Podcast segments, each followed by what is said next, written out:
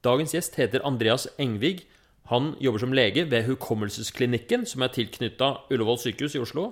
Han jobber innenfor geriatri og spesialiserer seg på hukommelse og demens. Og nå for tida så skriver han en bok som handler om hvordan bremse demensen.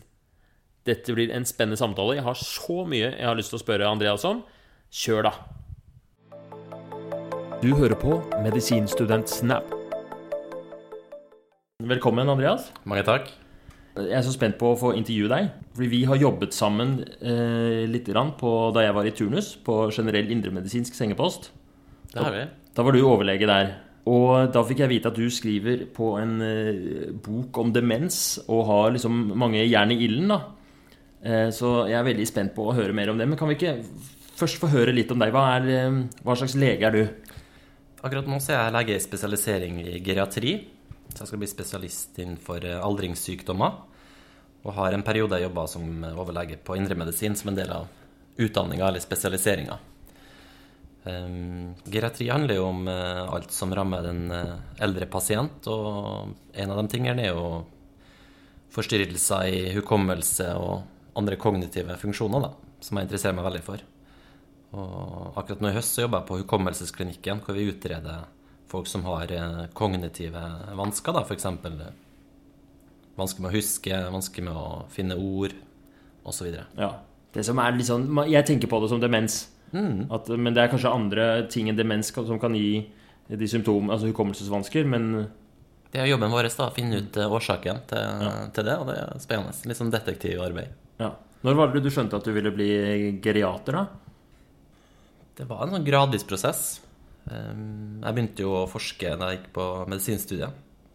Gikk på en, eh, en linje som heter forskerlinjen. Hvor, eh, hvor medisinstudenter kunne på en måte begynne å forske på ting de syntes, var interessant. Ja, Og da interesserte jeg meg veldig for hukommelse. Og, eh, Så allerede der så satte du i gang med hukommelses... Ja, jeg var veldig ivrig. Jeg tror jeg Mm. var 23 da Ja, 22-23 da bestemte jeg meg for det. Så kom jeg i kontakt med et miljø eh, som ble ledet av en, en kvinnelig professor som heter Kristine Valhovd, som interesserte seg veldig for eh, aldrings- og livsspennsperspektivet. ja. Hva skjer med hukommelsen når vi blir eldre, og hvorfor er det forskjeller på, for, eh, på hvor godt folk husker? Og da begynte jeg der. eh, Og etter hvert så ble jeg eksponert for en del geriatere gjennom det prosjektet. Vi rekrutterte pasienter fra hukommelsesklinikken. Var det i Oslo du gikk, eller? Mm, studerte i Oslo. Og det er jo da tolv år siden, det var i 2007, så nå er på en måte ringen litt slutta å komme tilbake dit og jobbe her som lege, så det er veldig, veldig artig, da. Men da, da var vi interessert i om vi kunne trene hukommelsen til folk ved hjelp av hjernetrim, eller hukommelsestrening. Å ja, sånn typisk sånn der sudoku og Ja. apper og Vi designa faktisk et eh, program for hukommelsen til pasienter med lette hukommelsesproblemer. Vi fikk hjelp av han eh, Oddbjørn By, da, som var sånn, eh, hadde vært deltatt i verdensmesterskap i hukommelse, blant annet. Å ja. Er det han, han har skrevet sånn memobok? Ja, han som skrev memo, ja. Så da laga vi et opplegg for dem, og, og hypotesen vår var at uh, hvis de her drev med sånn veldig intensiv eh, hjernetrening, så ville det bremse aldersforandringa i hjernen deres. Okay. Så vi, vi tok MR og, og testa hukommelsen deres ganske godt. Det må jo være forskning over ganske mange år, da. Dette. Ja, så jeg holdt på med det parallelt med medisinstudiet, og gikk den forskerlinja. Og så, eh, for å gjøre ferdig Det ble jo, det gikk jo en del år, og det ble jo Det så jo ut som det kunne ha et doktorgradsmateriale i seg, da. At det kunne gjøre en doktorgrad ut av det etter hvert. Og da fikk jeg støtte fra et eh, demensforskningsfond som heter Kavli forskningsfond for aldring og demens. Å ja. Det, Det fins sånne fond som liksom eh, finansierer forskning. Det er sikkert noen som har fått demens i familien, da, som har gitt masse penger til dette fondet. ja, Og så, så Og, støtter de eh, opp om sånt. Alle som kjøper sånn Kavli-produkter, kumelk og kaviar og sånne ting, Ja. de gir penger egentlig til det forskningsfondet. Å ja. Ja. Så mitt kaviarforbruk har Det har støtta min forskning ja. back in the days. Og da ble jeg jo kjent med mange geriatere, mange flinke folk, altså. Særlig ei som heter Anette Hylen Ranhoff, som er professor i geriatri i Bergen. Og en annen som var professor i Trondheim, som heter Olav Slettvold. Det var egentlig han som eh, liksom overbeviste meg om at jeg skulle velge eller søke geriatri da jeg var ferdig da, som eh, lege. Det var vel eh, på et sånt forskningsseminar hvor vi, vi satt og tok oss et glass sammen. og Han var veldig overbevisende, husker jeg. Han, jo, han er jo egentlig en nestor innenfor geriatrien. da. Var jo bl.a. med å vise at denne ortogeriatrien, behandling av pasienter som er eldre og som har hatt brudd i hofta f.eks., har nytte av geriatrisk tilsyn. Så han er jo på en sånn stor skikkelse innenfor geriatrien og var veldig Jeg likte på en måte måten han tenkte på, da. Og ble inspirert til å gå inn i, i det feltet, da. Men jeg, jeg skjønner ikke, han, de- Dere hadde et litt sånn møte hvor han skulle selge deg inn til geriatrien? Var det Nei, det var egentlig, det var egentlig en slags eh, Det var etter en middag på et sånt forskningsseminar hvor vi egentlig satt og tok oss et Det var en gin tonic eller et eller annet sånt. Oh, ja, det var, ja. Men han, han drev og prøvde å rekruttere deg? Ja, ja, ja. Han så her er en, en fremtidig stjerne, han må få på laget. Er det litt, er det litt sånn i Når man, når man kommer, eh, kommer litt sånn ut i studiet, så, så er det virker som de fleste Det er litt sånn kamp mellom spesialitetene om å drive og rekruttere deg. Det jo, det, det er jo alltid en, eh, det er eierskap og en, eh, en stolthet den spesialiteten eh, man har valgt, da. Jeg tror jo mange av dem eh, Det har ikke jeg kanskje begynt å kjenne så mye på ennå, men jeg tror nok mange som har jobba med det en stund, ønsker jo på en måte å, å fremme eller hevde sin spesialitet, da. Men han overbeviste deg i hvert fall med sin tankemåte og sin Blant andre. Det er flere som har inspirert meg opp igjennom. Men han var en av dem, ja. Fordi sånn jeg har forstått det, sånn som det du sier også med at eh, eldre pasienter som har hatt et brudd, har godt av et geriatrisk tilsyn. Det virker som Altså for, Første gang jeg hørte om geriatri, så tenkte jeg at dette er, det er bare liksom hvilken pasientgruppe det er. At det er de gamle pasientene går til geriateren, og så går de unge pasientene til pediateren, og så andre ting til andre, liksom. Men, men uh, i geriatrien så ha- har man litt sånn derre Egentlig litt eh, generelt annerledes syn på På en annerledes tilnærming til pasienten.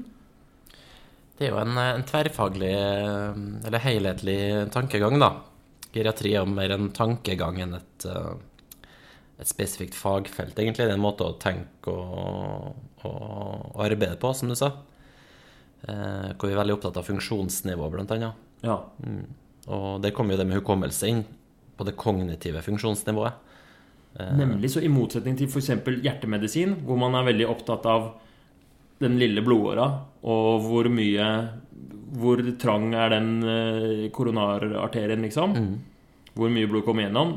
Mens her så går dere litt ut av liksom, de små kroppsdelene og, og patologien og ser på hva er det denne personen kan få til, liksom? Hva er funksjonen?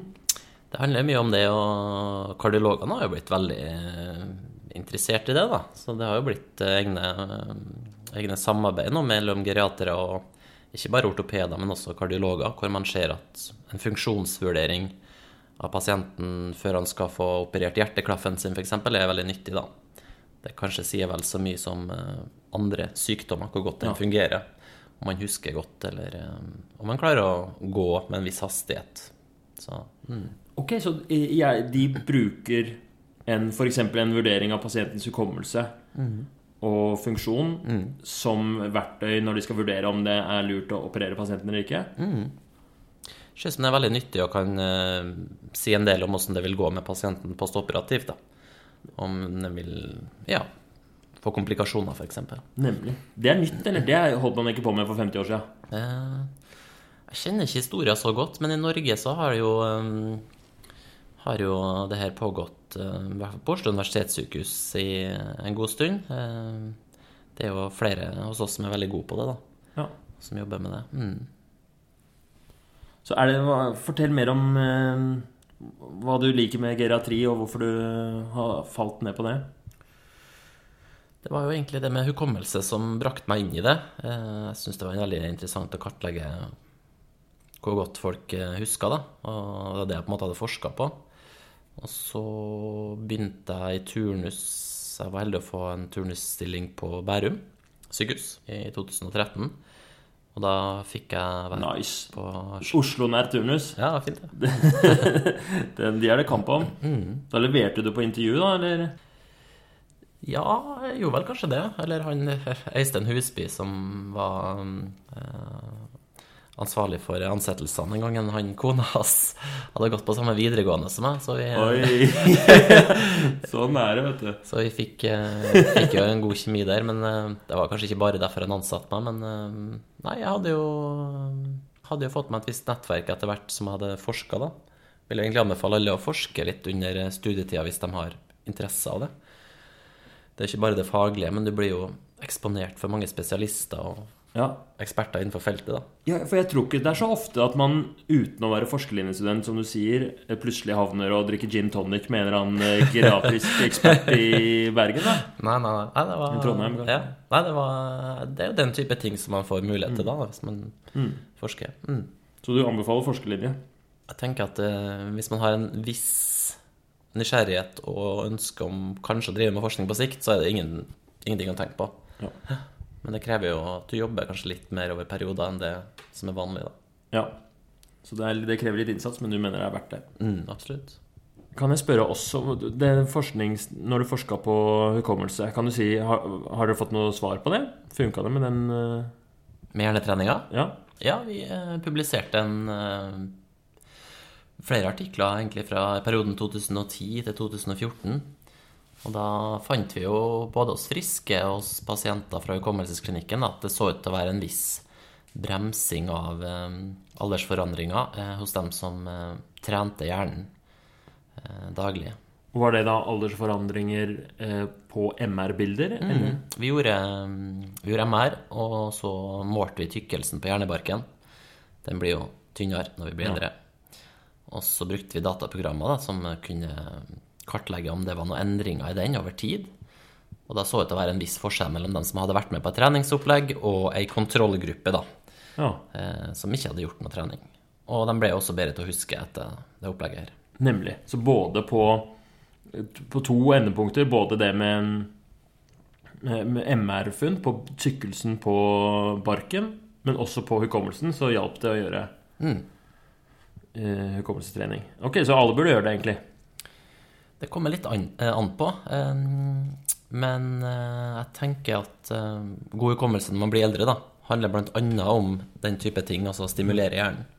Men det er også en del andre ting som jeg skriver om i boka mi, som, Ja. som jeg mener kan være vel så viktig. Så det kommer litt an på hva slags bakgrunn og, og livsstil du har. da. Ja, det må vi jo komme inn på. Men kan bare, gjør du hjernetrim? Altså, har du noe hukommelsestrenings i, i programmet ditt, liksom? Ja, det er akkurat eh, det å skrive mye om i boka, at eh, eh, å jobbe som sykehuslege da, er, er jo mer enn nok hjernetrim da, for meg. Ja. Hver dag så er jeg nødt til å lære meg nye diagnoser. Jeg lærer jo veldig mye nytt, for jeg jobber på en generell eh, avdeling med, med veldig mange forskjellige problemstillinger. Eh, Labsvar, kollegaer å forholde seg til. Mm. Det er mer enn nok hjernetrening for meg, og det tilfredsstiller. Og det jeg tenker er kriteriene for hjernetrening, det må være utfordrende. ikke sant? Sånn som når du trener på gymmen, Ja. løfter litt tungt. ja. Eh, ikke for tungt, men litt tungt, og, og gjerne variert. Og en, en sykehushverdag er så variert og involverer så mye eh, hukommelsestrening òg, at for meg så skjer ikke det som er relevant. Det er et par andre ting eh, som har med hukommelse og hjernehelse, som er viktigere for meg enn eh, Ok. å løse sudoku. da. Ja, for jeg var redd for at jeg ble nødt Jeg fikk komme til å få hjemmelekser, liksom. Og, men da, så, så lenge du jobber som lege, så har du hjernetrim-biten under Eller eh, jurist, eller intensivsykepleier. Altså, men så lenge du har en, en, en, en, en Ikke vanlig sykepleier. jeg tror Eller vanlig sykepleier. ja. Hva med Men hva er de andre tingene, da? Som har med god hukommelse å gjøre. Ja, de andre tingene du gjør eh, Eller som er mer relevant. For meg så er det jo mer relevant å ikke stresse for mye. Mm. Jeg jobber jo til tider altfor mye. Jeg jobber jo med en bok som jeg skriver ved siden av 100 sykehusstilling. Eh, Stress er jo en velkjent eh, negativ faktor for hukommelsen. Både på kort sikt ved at det forstyrrer oppmerksomhetsfunksjonen din, eh, og ved andre mekanismer som virker over litt lengre tid. da. Så kronisk stress, hvis du har liksom kronisk stress og kronisk høyt kortisol, liksom, da, Ja. da går det utover eh, hukommelsen. ser sånn ut. Altså, kortisol eh, virker jo mange steder i kroppen, da, som du vet. Et av stedene er jo i hippocampus, som er helt nødvendig for eh, det vi kaller episodehukommelsen, for at du skal huske episoder fra livet ditt. Og det ser ut til at uh, veldig mye kortisol uh, gjør at du kan uh, kode inn uh, f.eks. faretruende situasjoner. da.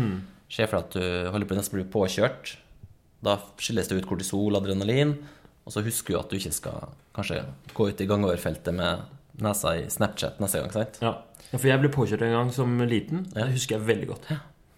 Da er nok kortisol og noradrenalin og, og stresshormoner generelt da involvert. Ja. Veldig mye reseptorer for det i nervecellene i hippocampus.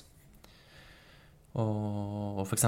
personer med PTSD vil jo kunne fortelle at eh, denne type traumatiske opplevelser som mange har vært gjennom, sitter jo uforholdsmessig eller uønska godt, ikke sant? Ja, PTSD, posttraumatisk eh, stressyndrom. Stresslidelse er jo en, en sånn egentlig en hukommelsesforstyrrelse som man, eh, hvor man husker bedre enn det man ønsker. da. Ja, det er tar over. Nemlig. Så den sitter og Du, du våkner på natta med minnet fra den eh, bomben eh, du ble sprengt med, liksom. Problemet med vedvarende stress over tid og, og høy kortisolfrigjøring er at det går på bekostning av en annen del av eh, huskeprosessen. Det gjør at du kan være flink til å kode inn Ja. stressende minner, f.eks. Men det går på bekostning av noe vi kaller for gjenkalling. Eh, Så hvis du er veldig stressa, kanskje på eksamensdagen, da, Ikke sant? så er det kanskje en del som har opplevd å få jernteppe. Mm. Du har kanskje pugga ikke sant, i et, et semester, kommer på eksamensdagen, så er du så stressa at du har problemer med å gjenkalle kunnskapen Ja, som du trenger på igjen. eksamen. Kjenner meg igjen. Jeg satt og prøvde å tvinge fra Det var et, Jeg husker ikke akkurat hva det var, men det var et navn eller et, eh, et ord liksom som jeg skulle ha fram, og det klarte ikke å finne fram. Og da virker stress negativt inn. Da. Mm. Er det Ja, fordi det, det er forskjell på um, Når vi snakker om stress da, som en sånn faktor som påvirker hukommelsen, så er det, er det eh, Det er forskjell på akutt stress, som er sånn En stressende situasjon. er jo ikke farlig i seg selv, men det er det der kroniske stresset, er det ikke det? Det er den vedvarende eh, stressituasjonen over tid som du beskriver, som er ugunstig for hjernen. Da. I tillegg, eh, særlig for dem som har kommet opp i 30-40-årene, så vil jo vedvarende stress også kunne innvirke på andre ting som etter hvert begynner å bli litt vanskelig. Ja. God søvn, f.eks., vil jo være forstyrra av eh, en person som er kronisk stressa. Eh, I alvorlige tilfeller så vil jo en vedvarende stressituasjon også kunne gjøre at du lettere kanskje tyr til et glass alkohol eller tre eller fire, Ikke sant? Som er også en, eh, en veldig negativ ting for hukommelsen. Ja, fordi både søvnvansker og, eller dårlig søvn og alkoholforbruk disponerer for demens. Så stress kan liksom treffe demensen fra tre sider. Korrekt. Enda flere sider, faktisk. Det vil også gjøre deg mer sårbar for eh, depresjon. Depresjon er jo en stressfølsom lidelse, ikke sant? Ja. Å være deprimert er jo noe man kanskje har et anlegg for, men du har lettere for å få en depresjon hvis du har et høyt vedvarende stress Ja. eh, gående. da. Nemlig. Og depresjon disponerer også for demens. Veldig klassisk at personer med, med, med depresjon har hukommelsesproblemer. Ja. Og langvarig depresjon over tid er også en risikofaktor for å utvikle demens lengre frem i tid. ja. Interessant. Ja, for jeg har sett de der Vi har hatt de der pasientene i turnustjenesten. Sånne pasienter som går rundt og ikke klarer å komme seg ut av en sånn utrolig stressende jobbsituasjon. Hvor de har altfor mye på plakaten, men eh, de, kanskje er de selvstendig næringsdrivende eller noe sånt, sånn at de, de jobber 16 timer om dagen og ser ikke hvordan det skal gå, og det er konflikter, og de, etter hvert så går søvnen ad undas. Kanskje de begynner å drikke og, og, og får ikke tid til å trene og sånne ting. Og de blir så deppa og kommer og gråter på kontoret, liksom. Og så er løsningen fordi jeg- du må slutte i den jobben. Men eh, de i hvert fall det, det betyr, Ja, hvis dette her er eh, noe som i tillegg påvirker hukommelsen, på, ikke bare på kort sikt, men også på lang sikt, så er det her kjempeviktig. Det som er med hukommelsen, er at eh, du må på en måte ha det langsiktige perspektivet i tillegg, og det kan jo være litt kjedelig, ikke sant? Ok, hvis jeg jobber nå 16 timer et par uker, det kanskje ikke har så mye å si, men men over tid så har det målbart negativ innvirkning på hukommelsen. Da. Og Jeg har jo lyst til å huske best mulig, lengst mulig gjennom livet, liksom. Sånn at Ja. eh, jeg tenker at det er nyttig å tenke litt langsiktig òg, da. Ja. Det er ikke så lett, ikke sant. Vi, jo, vi som jobber som leger, er jo veldig glad i å, å gi gass, mange av oss. Og jobber veldig mye og kanskje stresser mye. ikke sant? Sykehushverdagen er veldig stressende. Så jeg tror det er kanskje et mer eh, interessant fokus for eh, medisinstudenter og sykehusleger når det kommer til hukommelse, da, enn å drive med sudoku eller løs kryssord, liksom. Det Ja. tenker jeg er mindre relevant Ja. i den settingen. ja. Så det, det kommer litt an på personen, da. Det er så kult, altså, fordi du eh, Bare for å, å retrace our steps litt. Du, eh, begynte med, du begynte å forske allerede under studietida på hukommelse. Havna inn på geriatri og jobber akkurat nå for tida på Hukommelsesklinikken. Og mm, så sa du at du skrev bok, og den boka er om hukommelse, ikke sant? Ja, boka handler om hva som eh, gir bedre hukommelse gjennom hele livet. Ja. Kan du snakke om den? Er det lov for deg å snakke om den boka? Den er ikke kommet ut ennå. Det, Åssen er reglene på det? Jeg kan si litt, og så får jeg snakke med redaktøren etterpå. Nå må sensurere- sensureres. Ja. Fordi eh, ta, så ta oss gjennom bare eh, tanken bak den boka. Det var litt som jeg fortalte om i starten, at jeg hadde forska på hjernetrening og hukommelsestrening, og så at det med mental stimulans er jo veldig nyttig for noen, så han kan huske litt bedre. Ja. Og så begynte jeg å jobbe som turnuslege på en hjerneslagsavdeling på Bærum sykehus. Så at ok, de her pasientene som har uh, hatt åreforkalkning og hjerte-karsykdom og nå fått hjerneslag, for dem er jo ikke løsninga å drive med sudoku. Uh, for dem er det jo å få en god forebyggende behandling og opptrening etter hjerneslaget. Kanskje aller helst skulle de hatt forebyggende behandling før de fikk hjerneslaget, ikke sant? Ja. Vi snakker om hjerte-kar-helse her. Så det begynte å interessere meg veldig. Eh, Samme, samme året så døde tanta mi, ganske ung, av hjerte-karsykdom. Og eh, jeg begynte egentlig både personlig og faglig å interessere meg mer for hjerte-kar-problematikk og hjerneslag.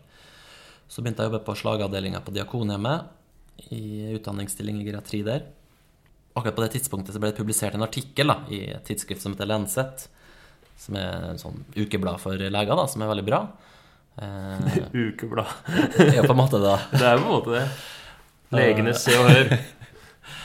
Og der var en studie da, som hadde akkurat det perspektivet med hjernetrening, som jeg hadde forska på, men òg forebygging av hjerte-karsykdom.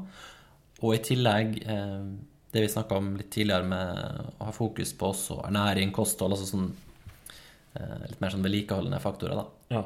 Og, og de viste god dokumentert, dokumentasjon for å, um, at det kunne forebygge hukommelsesproblemer frem i tid. da. Og ble helt inspirert av det. Jeg hadde lyst til å skrive om både egen forskning og det mer helhetlige geriatriske perspektivet rundt hukommelse gjennom livet. Um, Men så skjedde andre ting. Man begynner å jobbe og spesialisere seg, har det litt travelt. Men så i fjor sommer så kom det en bok skrevet av en amerikansk nevrolog som het 'Stopp Alzheimer'. ja. Han har jo solgt millioner av bøker eh, og hevder at man kan stoppe og kurere, eller til og med reversere Alzheimers sykdom og demens. Og det syns jeg var det å ta det veldig langt. ja. Eh, Det er litt problematisk påstand, eh, egentlig. Jeg syns det er veldig problematisk. Samtidig så, så har han jo et, han har et snev av et poeng i at vi vet en del om hva som kanskje kan eh, gjøres for å bremse Ja. eh, aldersrelatert eh, hukommelsessvikt.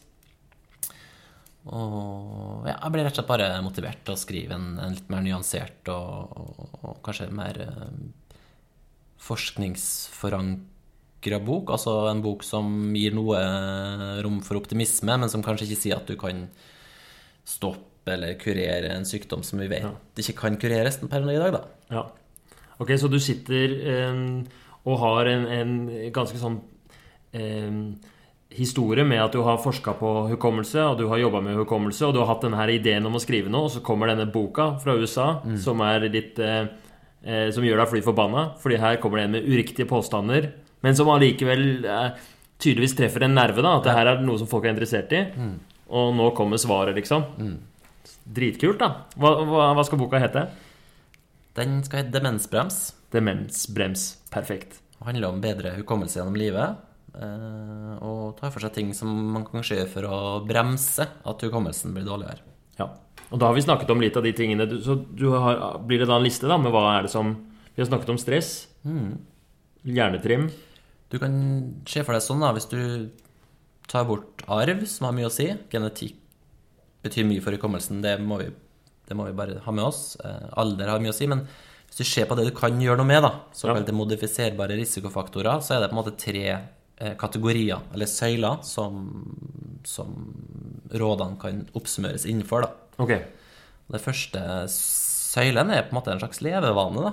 Ja. Det ser ut som at folk som søker ulike former for stimulans gjennom livet, de har typisk bedre hukommelse.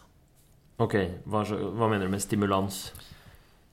Første eksempelet er ulike former for mental stimulans, hvor å løse sudoku, kryssord og sånn er jo sånn typisk eksempel på det, da. Eller hjernetrim eller hjernetrening. Ja. Stimulere men hjernen mentalt gjennom mentalt krevende oppgaver.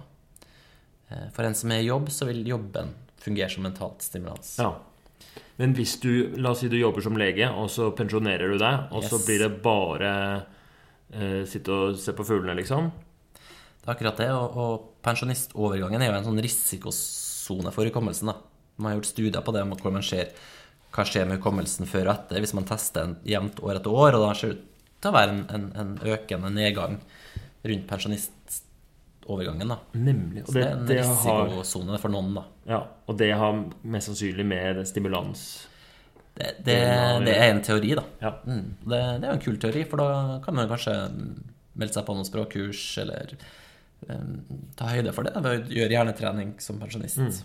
Jeg spiller Eller- Wordfeud med min eh, bestemor. Stimulans. Ja. Hun er 92 og Fantastisk. er helt uh, rå. Kommer med de lengste, mest uh, Av og til lurer jeg på om hun jukser. Men når det kommer sånne ord hun aldri har hørt om før, med W og C og Men uh, ja det er, hvis, hvis en eh, 92 år gammel dame er god i Wordfeud, da, da har hun ikke noe Da har hun ikke demens, eller? Det er jo usannsynlig, tenker jeg. Ja. Ja. Det ene er jo bare det å kunne håndtere en app, f.eks. ja, ikke sant? Hun sitter jo med iPaden og Ja. spiller med hele familien og Ja, nei. Så det, det jeg er tror flere er good. som eh, peker i en positiv eh, retning for henne. Ja. Mm. Ok. Hva andre ting innenfor en stimulans, hvis det er søyle nummer én, da? Veldig kul, eh, kul studie da, som en, en som heter Christer Håkonsson gjorde. I, en forsker som jeg intervjua i, i Stockholm. Han så på det her med sosial stimulans, da. Eller det å bo sammen med noen versus å bo alene. Ja. Og mm, veldig sterk sammenheng, da. Man har etter hvert sett på mange hundre tusen personer. Hvis de bor alene i midten av livet, eh, og så ser vi hvordan det går med dem om 20 år, så er jo risikoen for å få hukommelsesproblemer betydelig økt. Ok. Og ok, det er sikkert mange grunner til det, da. Ja. Hvis man bor alene, så kanskje man lever mer usunt, eller er en litt sånn Ja, rar person, ja, ja. eller et eller annet sånt. Eh, Jeg bor jo sjøl alene og ble veldig bekymra for den forskninga, så jeg reiste til Stockholm for å intervjue han fyren. Ja, Ja. Eh, Men han, har, eh, han har kontrollert for det med å f.eks. føle seg ensom eller være ensom. ja. Så det skjer noe med den lille stimulansen i det daglige, da. Det er jo han samboer som, som diskuterer med, som du må ta opp, eller Ja, som, som du, har, du har noe å bry deg på, da. Det er kjempespennende, da. Det kan jo sikkert være veldig mange ting i det som eh, Men tydeligvis Altså, det er bedre å bo med folk enn alene i midten av livet. Det er i hvert fall sånn på gruppenivå, da, så det er statistikken som, som antyder det. Men jeg syns det er en kul teori, da. Ja. At det kan være noe i den sos sos sosiale stimulansen. Kan det være noe med oksytocin? At hvis man får oftere klemmer Helt sikkert. Så- Det er jo supert. mm. Jeg tror det er mange ringvirkninger av det å, å, å bo sammen med noen, men i hvert fall innenfor uh, denne vanen som jeg kaller for stimulans, så er i hvert fall en sånn en Ja. hypotese jeg har, da, om at det også stimulerer hjernen. Ja. Kjempespennende. Så innenfor stimulans så har du både liksom hjernetrim-delen, og så har du den sosiale delen. Og det siste er sansestimulans. Ok. Bare i løpet av noen, kanskje sånn fem år, så har man blitt veldig oppmerksom på det med hørselssvikt, særlig midt i livet. Sånn fra 50-60-årsalder så er det veldig vanlig å begynne å høre dårligere. Det er jo en risiko da, for å huske dårligere senere. Og øhm, Forskerne vet ikke helt hvorfor, men de tror at det betyr for hjernen at den får mindre stimulans. fordi når du hører dårligere, så får du jo med deg mindre. Ja. Eh, og, og, og hjernelappene stimuleres mindre av den grunn. Mange trekker seg også tilbake, ikke sant? Mm. Når de begynner å høre dårligere. La oss si Kjellaug på 72, da. Veldig ivrig i eh, bridgeklubben, ikke sant. Men så begynner hun å høre dårligere, og så kvirer hun seg for å bruke høreapparat. Så trekker hun seg tilbake og er heller hjem isteden. Så det er veldig mange negative ting med hørselssvikt. Baller det på seg. Så får hun verken det sosiale eller hun får hjernetrimmen med bridge. Nettopp. Og du mister jo input i hjernen gjennom sansene. Ja. Så det er veldig interessant. Så jeg skriver litt om det og intervjua noen eh, forskere som interesserer seg for det. da. Så og vanligste årsaken til hørselstap, er ikke det ørevoks? Ørevoks, sånne enkle ting. Ja. Og, Så vi må bare, vi må bare ut på gamlehjemmene og skylle de øra, liksom. Øra. Så holder de på hukommelsen. så er det en veldig økning i det å få redusert hørsel rett og slett ved at man blir eldre. Ja. Så når man er passert 65, så er det vel vanligere å ha litt hørselstap enn å ikke ha det. Da finnes det jo høreapparat. ikke sant? Ja. Veldig kule høreapparat med Bluetooth-teknologi og alt mulig rart som har kommet på markedet nå. ja. Som man kan bruke. Det er veldig Ja. kult. Så vi må være mye flinkere på det, da. Eller hvis vi klarer å holde på hørselen til de gamle, gi de høreapparater, og, eller til oss sjæl også, liksom, så, så bremser vi demensen. ser sånn ut. Det ser i hvert fall ut som det går bedre med dem som velger å bruke høreapparat, enn dem som ikke gjør det. Så det er kult. Kjempespennende. Så det var sø søyla om stimulans. Ja.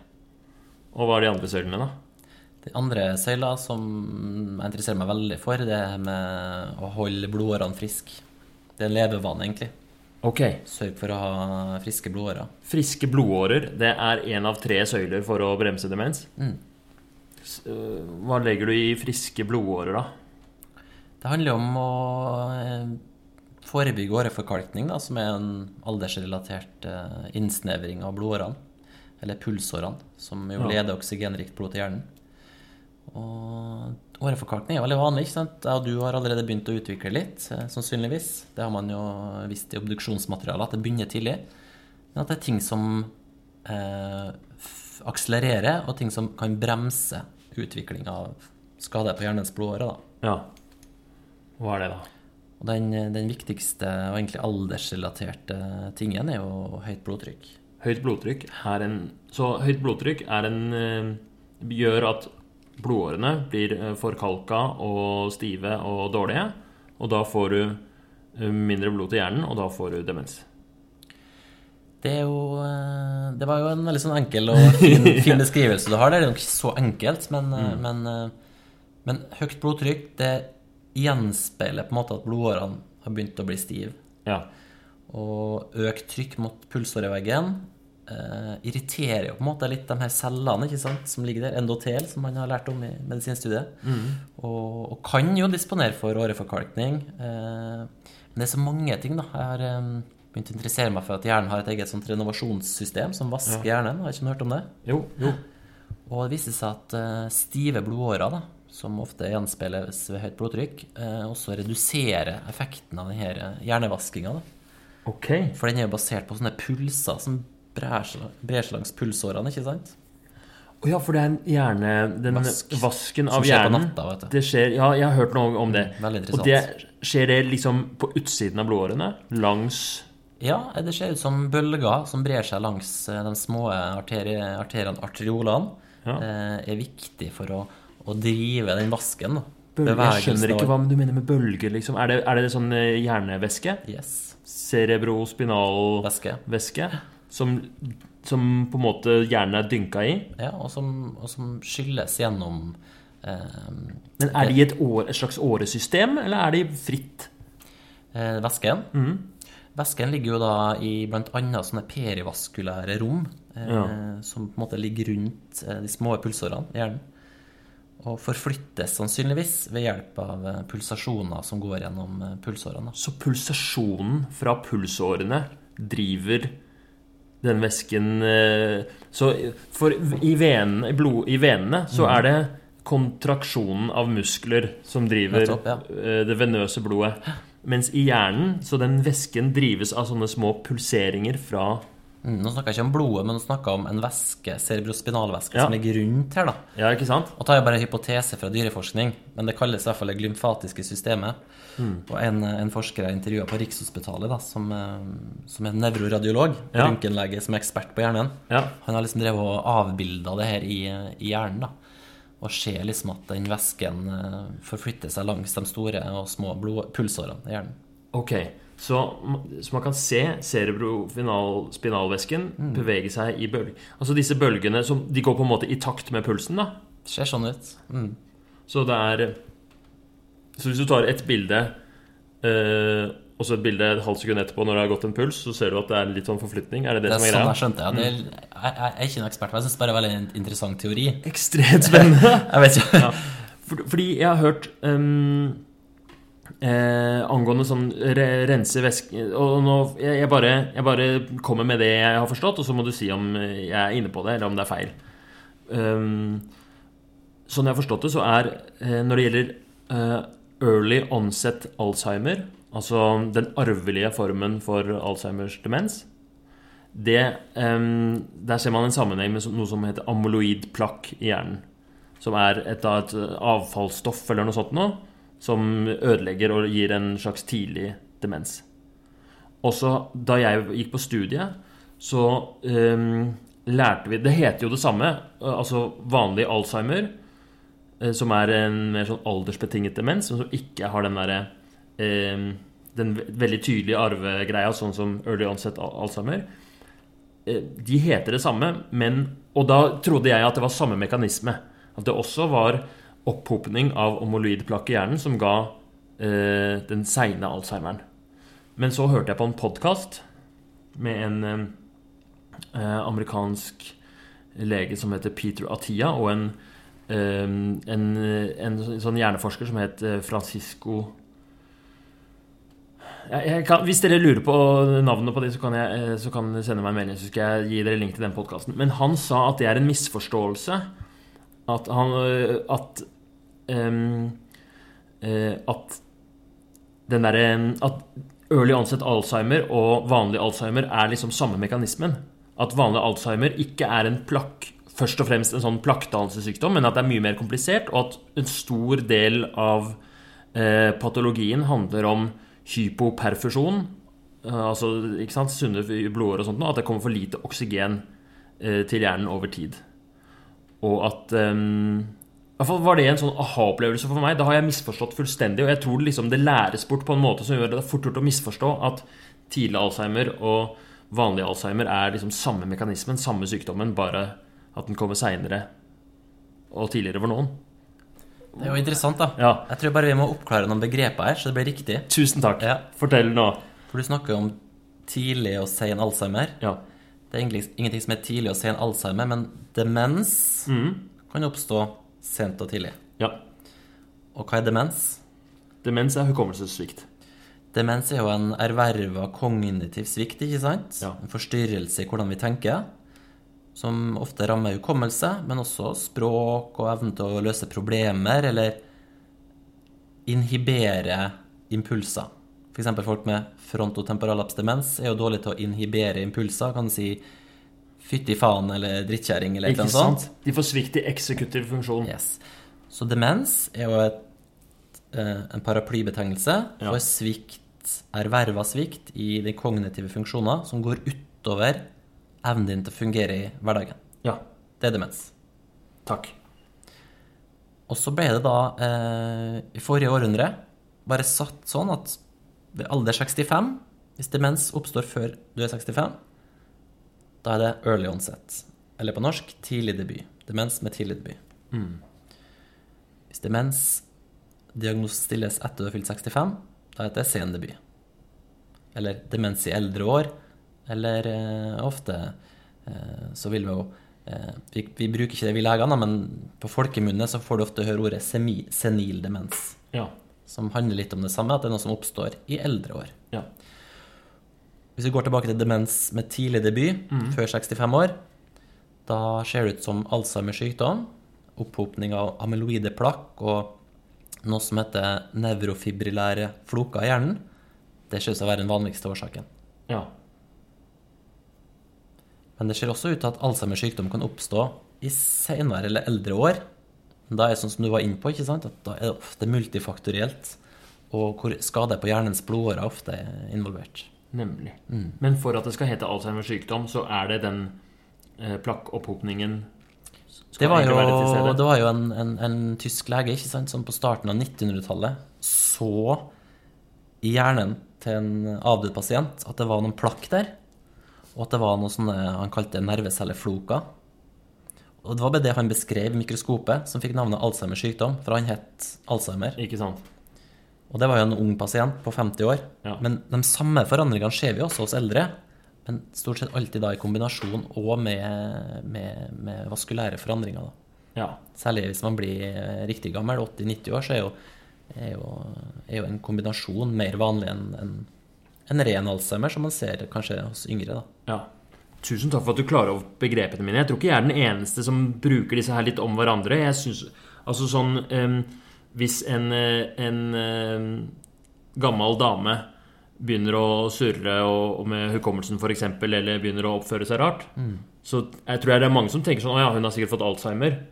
Mens det hun har fått, er jo først og fremst en, en, eh, en, eh, demens. Og så vil man ikke kunne si om det er en Alzheimer-demens, eller om det er en annen årsak til demensen, før man egentlig har sett på hjernen, da. Gjort noen undersøkelser, ja. Ja. Og det gjør vi jo av og til, selv hos godt voksne, altså folk i 80-90-årene, så kan vi jo gjøre oss noen tanker om årsaken.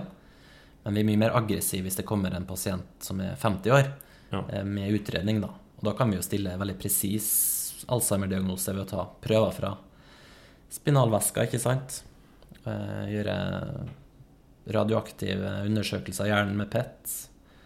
Eh, For å komme til bunns i om det er en, en ren Alzheimer-sykdom hos en person som har utvikla demens med tidlig debut. da. Ok, nemlig. Så en pasient som fått demens tidlig, så kan man se i spinalvæsken tegn på er det, Ser man da amyloid plakk der, da? Eller? Man måler konsentrasjonen av uh, amyloid beta, Ja. som er et, eh, et peptid som viste seg da å være bestanddelen som amyloide plakk, som dr. Alzheimer beskrev, ja.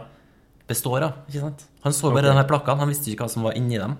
Nemlig. Og så er det jo folk ikke sant, på, fra 1950-tallet og fremover som ved hjelp av molekylærbiologi og utrolig eh, kult forskningsprogram da, oppdager at det er små peptider som heter amyloid beta, som eh, produseres eh, inni ner nervecellene, og som flyttes ekstracellulært, og hos noen hoper seg opp og gir de her plakkene.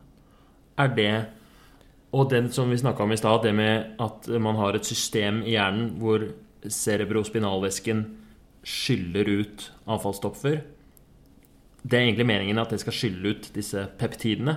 Et av de eh, stoffene som skilles ut ved hjelp av det her glymfatiske systemet, hjernens renovasjonssystem, er jo eh, amyloid beta. Nemlig. For det, det er jo det her med at du skal få ut eh, avfallsstoffer eh, Jeg vet ikke om det er riktig å kalle amyloid beta et avfallsstoff, men det er i hvert fall noe som hoper seg opp. For å få det ut av hjernen, så må det enten krysse blod-hjernebarrieren, eller så må det langsetter, eh, langsetter det her glymfatiske systemet, da, som er på en måte lymfesystemet til hjernen, og skilles ut via eh, den her cerebrospinalvæska. da. Ja, for cerebrospinalvæsken den kommer ut i disse hulrommene. Og så går det ned og tømmes i en noen vener eller noe sånt. Er det ikke? Ja, Det ser ut som det er at hjernen har egne mm, lymfårer som ligger langsetter etter dura, denne ytre hjernehinnen. Men for å komme dit, så må jo pulsasjoner, sannsynligvis som drives av små eh, arterioler og små pulsårer, eh, skyve på denne væska. da. Og eh, jeg, jeg vet jo ikke detaljene i, i hvordan det skjer, men, men det ser i hvert fall ut som det er en, en væskeflyt, eller væskestrøm, som, som drar med seg de her stoffene. Og det er grunnen til at det er lurt med sunne blodårer. Myke, gode, fleksible blodårer som kan gi den pulsen. Blant annet sikkert. Uh, igjen, hvis vi ser på dyreforskning her, da det, I hvert fall dyr som har fått indusert høyt blodtrykk, de har dårligere hjernevask enn de som har normalt blodtrykk. Nemlig. Ok. Sånn er det med dyr som sover lite òg, ikke sant? Det ser ut til at det her systemet er mer aktivt på natta.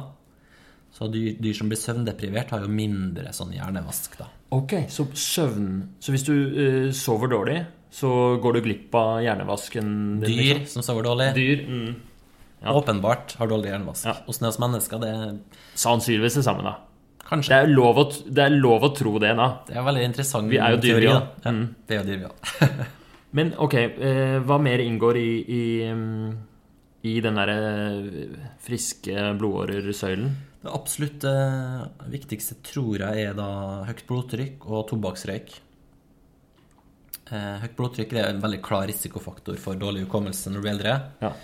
Eh, særlig hvis du er 35-40-50 år. Da vil jeg anbefale å vite at blodtrykket er noenlunde normalt. da. ja. Så alle pasienter som har veldig høyt blodtrykk, de burde få behandlet blodtrykket sitt, for å, annet for å redusere sjansen for hukommelsesvansker seinere i livet. Det viser seg sånn, og det er jo noen behandlingsstudier også nå da, som, som peker i den retninga at det er gunstig for hjernen og hukommelsen. Og så sa du tobakksrøyk. Frem til ca. 2012 så var det egentlig ikke noe snakk om noe sammenheng mellom tobakksrøyk og hukommelse i hele tatt. Eh, en professor jeg snakka med, mente at det var fordi at det var industrien som hadde lagt lokk over det. Oi.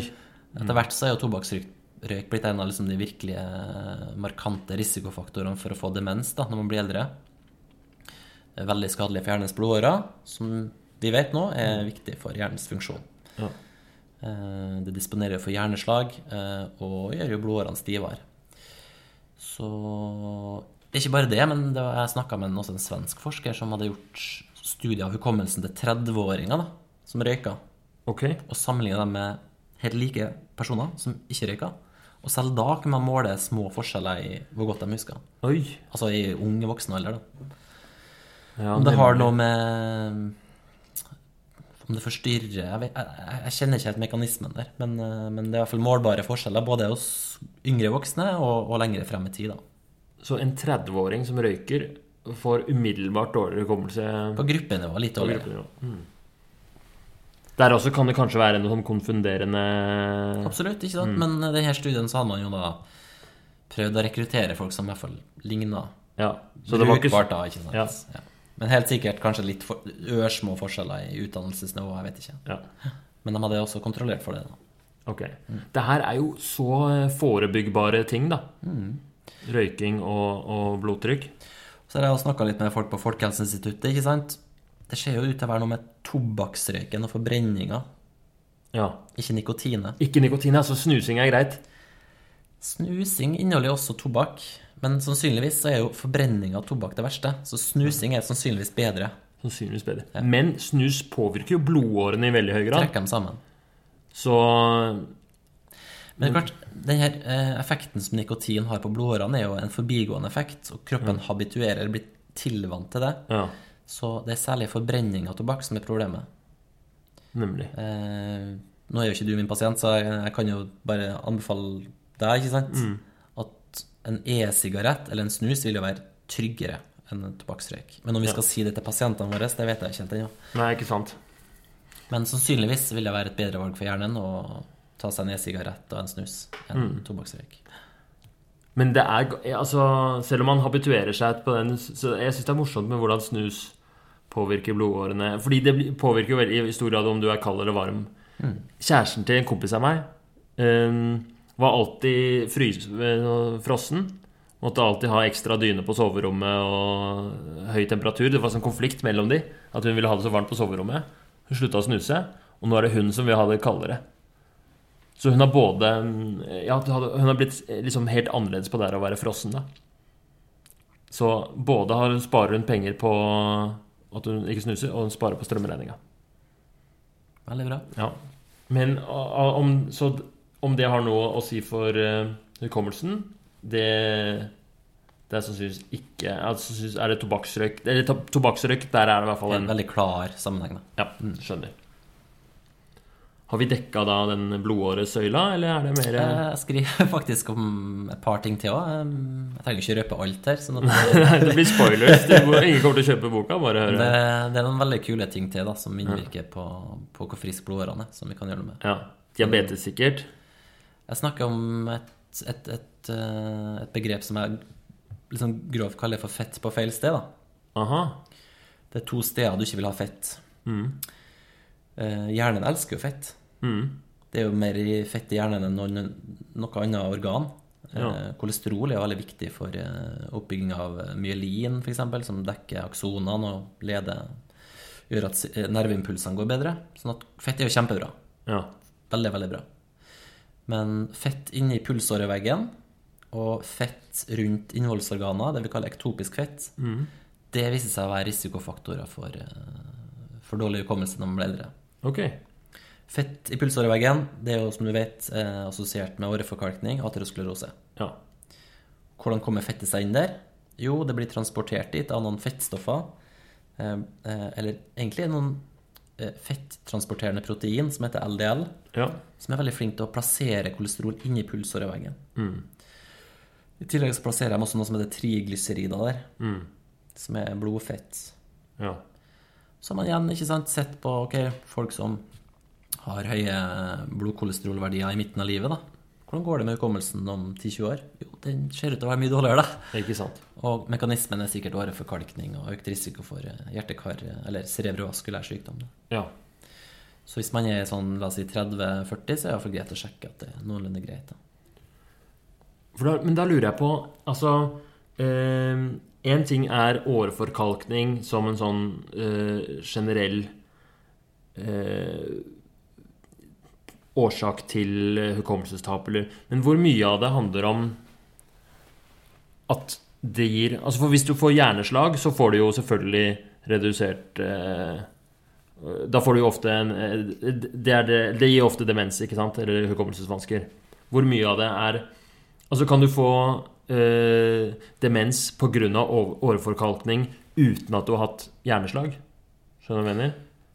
Det er jo eh, veldig godt spørsmål. Eh, en ting som heter vaskulær demens, er jo en demens som kommer som følge av store slag. ikke sant?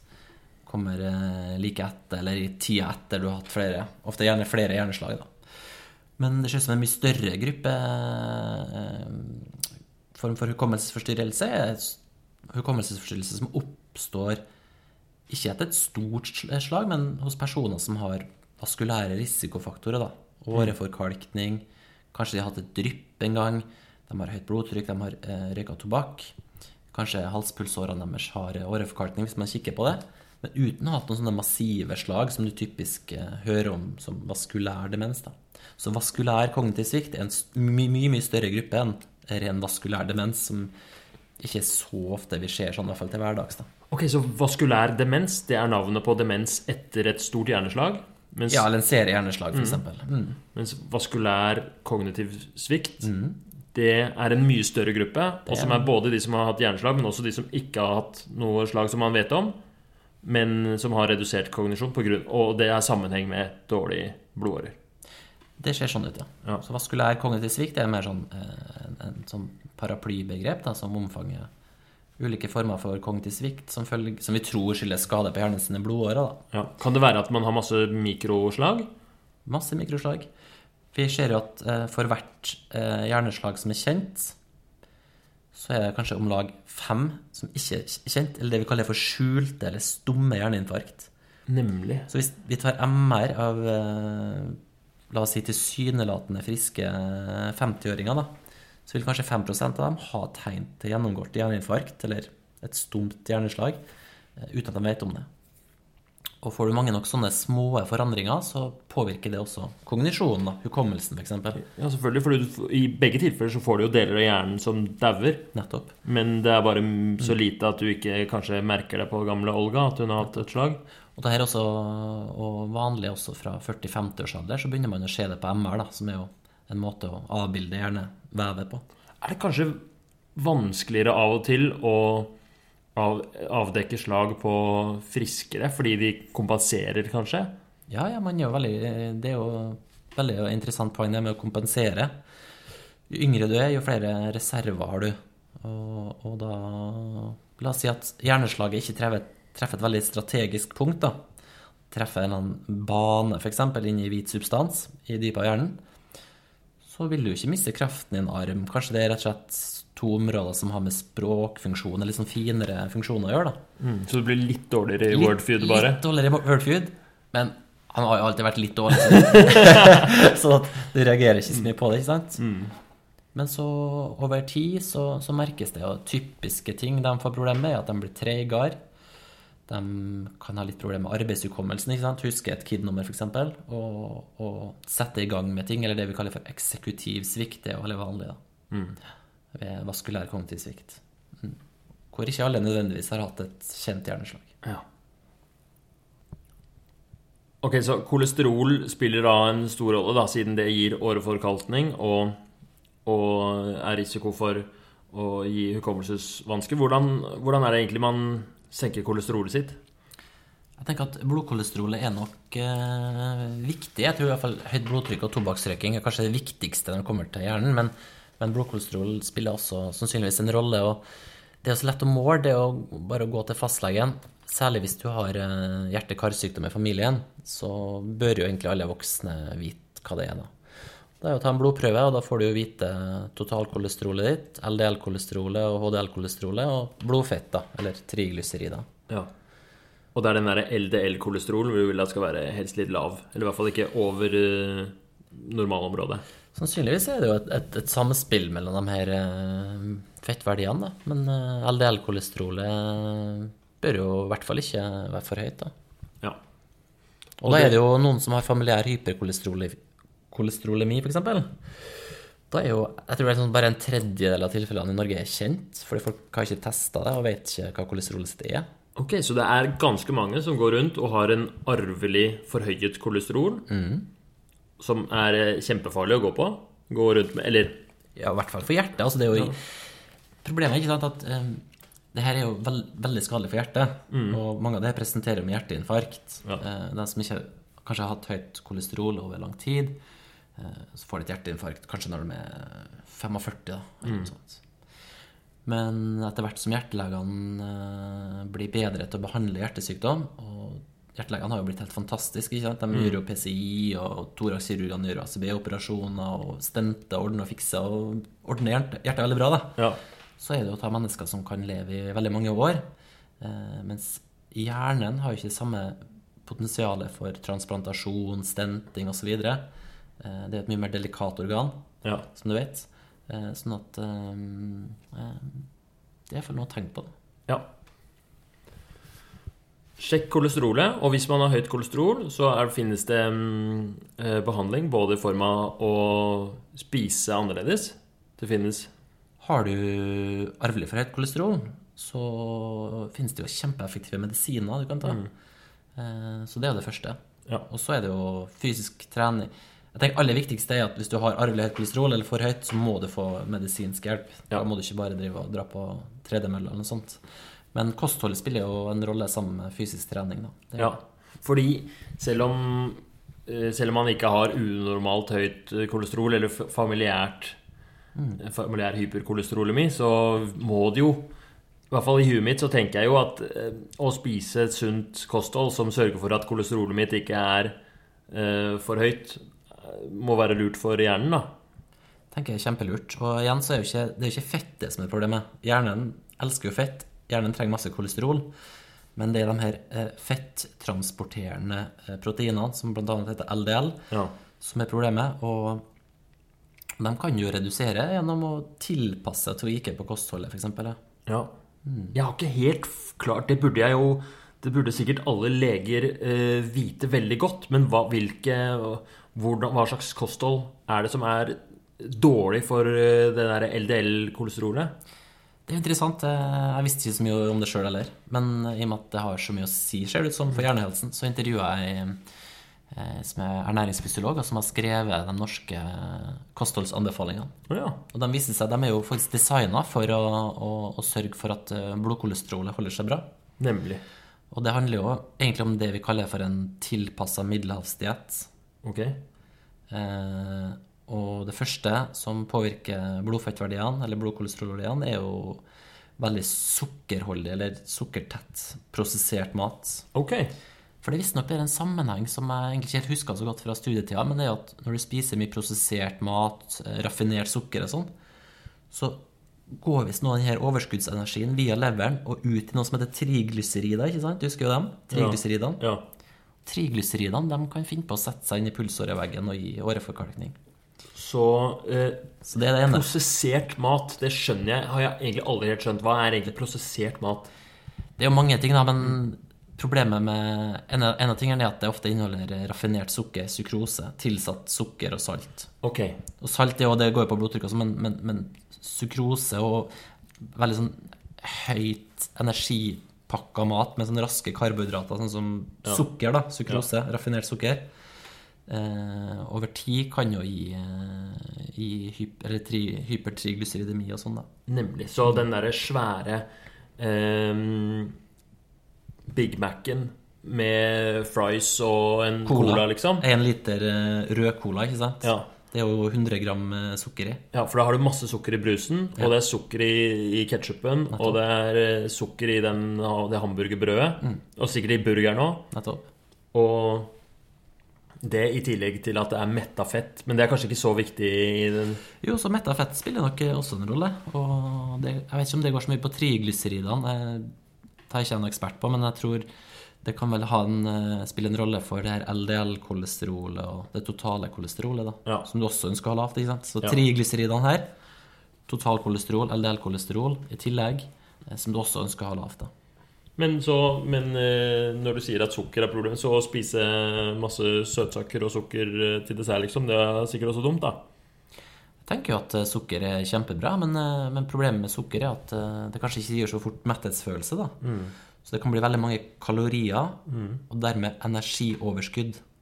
Energioverskudd eh, gjør noe med leveren, sånn at eh, det transporteres eh, overskuddsenergi i form av triglycerider som går ut i fettvev og i muskulatur og lagres der, og, og gjør noe med, med, med blodfettverdiene. da. Ja. Så, så det er veldig fint å spise sukker, jeg tror ikke det er noe problem men det kan fort bli mange kalorier, da. Mm, så, Og så, altså, så, overskuddsenergi. Så overskudds... Egentlig å spise for mye. Og drive og gå opp i vekt, liksom. Og spise seg, spise seg nettopp. tjukk. For da det er kommer du inn på det andre poenget som har med det med ektopisk fett å gjøre. Eh, Eller eh, fett på feil sted nummer to, da. Mm. Eh, Fett rundt innholdsorganene. Det Det se ut til å øke åreforkalkninga og er ugunstig for hjernen på sikt og hukommelsen. Ok. Nå skjønner jeg litt bedre. Men det må, det må vel være mer For én ting Hvis, hvis jeg spiser eh, sånn at jeg ikke går opp i vekt, at det ikke er overskuddsenergi, så er det fortsatt noe som er bedre eh, og dårligere enn annet? Absolutt. Og da ser jeg ut sånn flerumetta fett, da, eksempel folk som spiser mye fet fisk og olivenolje og nøtter og sånn, eksempel. Det virker jo å være gunstig for blodkolesterolet. Ja, så det er bedre for kolesterolet enn eh, det metta fettet som du finner i, i, i kjøtt og melk. Ålreit. Sånn ser det ut. Så jeg tror absolutt ikke noe problem å, å kose seg med dessert. Jeg tenker at melk er sikkert helt greit. Rødt kjøtt det må man jo bare spise. Men, men det virker å være mer gunstig med den her fleirumetta fettkildene. da. Ja. Avokado, ikke sant. Alt det her passer jo inn i det her såkalte middelhavskostholdet. da. Ja. Rikt på fleirumetta fett. Tenk at jeg skulle få kostholdsråd av en geriater. Jeg må som sagt si at jeg bare syns det er veldig interessant. Ja. Og har fått uh, intervjua noen veldig flinke folk som har lært meg litt om det. Men uh, Du har gjort grundig research til den boka, da. ja, jeg tenker at det er viktig. da, viktige Ja. ting.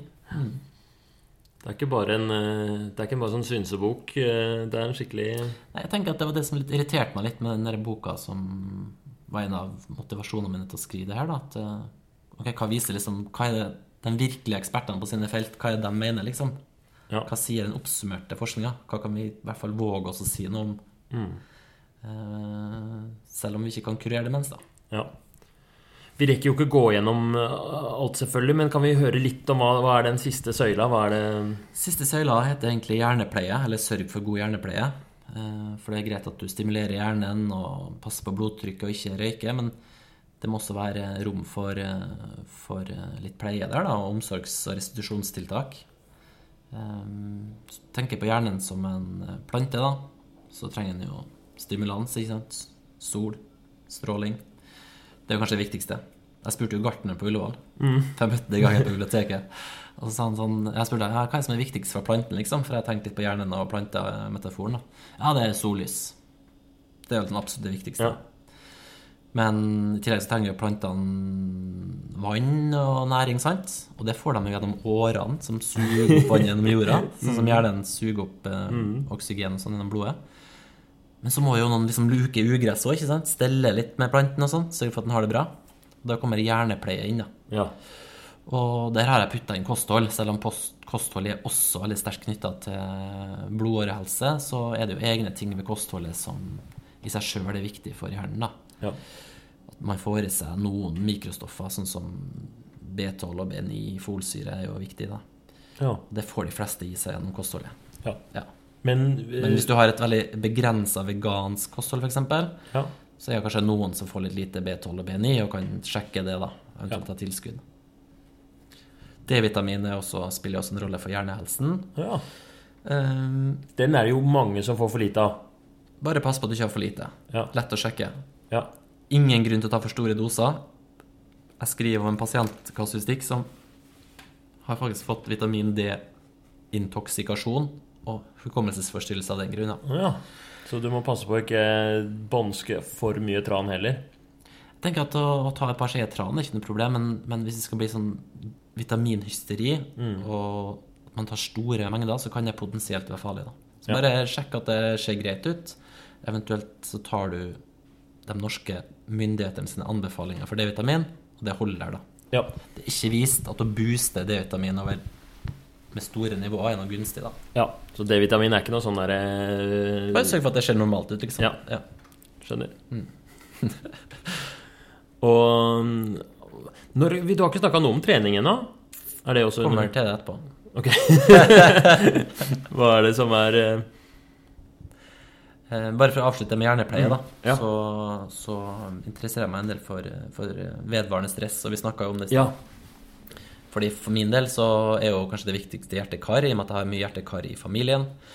Og jeg er jo mentalt stimulert gjennom jobben min, så er jo ikke det liksom det viktigste. Men jeg jobber jo kanskje altfor mye. Jeg har jobba ekstremt mye med boka ved siden av noe 100 klinikk, og Ja. stresser mye. Og kanskje det er viktigere for meg, da. Nemlig. Hvordan er det man uh, dealer med stress, da? Jeg kjenner meg jo veldig igjen. Jeg har jo også en kjempeaktiv eh, hverdag og masse jeg har lyst til å få til, men jeg har ikke lyst til å ofre Jeg blir jo stressa hvis jeg sitter på, på ræva, liksom. Da blir jeg ja. stressa fordi jeg ikke gjør noe. Jeg tenker Gode stress er jo bra. Man liksom føler at det skjer ting, og at man er liksom litt on the edge. da Ja. Men uh, at man har noe evne til å regulere så det ikke går for langt. Eh, leger er jo en gruppe som er utsatt for depresjon og selvmord. Det vet vi jo. Det er jo, det er statistikk som viser det. Sånn at eh, det handler jo kanskje om å ha en, bare en viss bevissthet rundt det. Eh, jeg prøvde jo meg både på et meditasjonskurs eh, som jeg ikke klarte å fortsette med. Så det var for kjedelig. Ja. Jeg prøvde på yoga. ja. Syns det var så pinlig. Det var bare det var, Så det, det gikk jo heller ikke. Så for meg så har det bare Så har det blitt å kanskje dyrke hobbyer og drive med trening, som du snakka om. da ja. Og bare regulere og si nei, f.eks. Eh, ikke ta på meg altfor mye, selv om jeg Ja. syns det er kult å gjøre veldig mange greier. da Ja, for Men- jeg veit at du driver jo med randonee og Ja, ja, mye natur og fjell og sånn. Så det er liksom min form for stressmestringsstrategi, da. Men du nevnte jo, det er interessant du nevnte yogameditasjon, for det var det første jeg tenkte på òg. Jeg tenker at det er kjempebra, da. Ja. Hvis du klarer det. Jeg klarer det. Jeg mediterer eh, Jeg har vært på et kurs, og siden jeg var på det kurset, så har jeg meditert eh, 30 minutter to ganger dagen. Kjempebra. Hvor rått er ikke det? Hjernebarken din er sikkert veldig tjukk. Ja, den føles, jeg føler som den er skikkelig god og tjukk om dagen. Ja, det er. Jeg har gjort studier på det. Eh, hjernebarken er litt tykkere hos folk som mediterer jevnlig over tid. Og det er den samme eh, parameteren som du sa var eh, Som dere brukte i det studiet. På. Så det er veldig tett knytta til hukommelse. Så jeg tenker at det, det er fantastisk for deg, da. Å, nå følte jeg meg bra. Det er ikke sikkert det er ganske kort eh, tid siden det kurset, da, så kan hende at jeg Men foreløpig så går det bra. Men Hva slags kurs var det du var på? Jeg tok eh, Det var en, faktisk en pensjonert lege som holdt et kurs. Andres Krøse. Det var en mindfulness-meditasjon. Det var mindfulness. Ja, så hva var var liksom teknikken du måtte bruke? Nei, vi skulle sitte og mye og rette fokus på pusten. Ja. Og jeg, jeg syns det var for så vidt bra der og da, men jeg har hatt problemer med å motivere meg for det sjøl Ja. etterpå. det.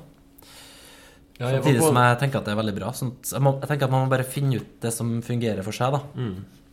Jeg kan tipse deg etterpå om det kurset jeg var på. For det var annerledes. Det var sånn at man snakka Man fikk et ord som man fikk utdelt, som skal, er hemmelig, da. Og så skal man repetere det igjen og igjen i hodet. Ja. Det er også um, Eh, Det er en professor som vi har hatt på studiet eh, på UiO, som Sven Davanger. Vet du hvem det er? Veldig kjent navn.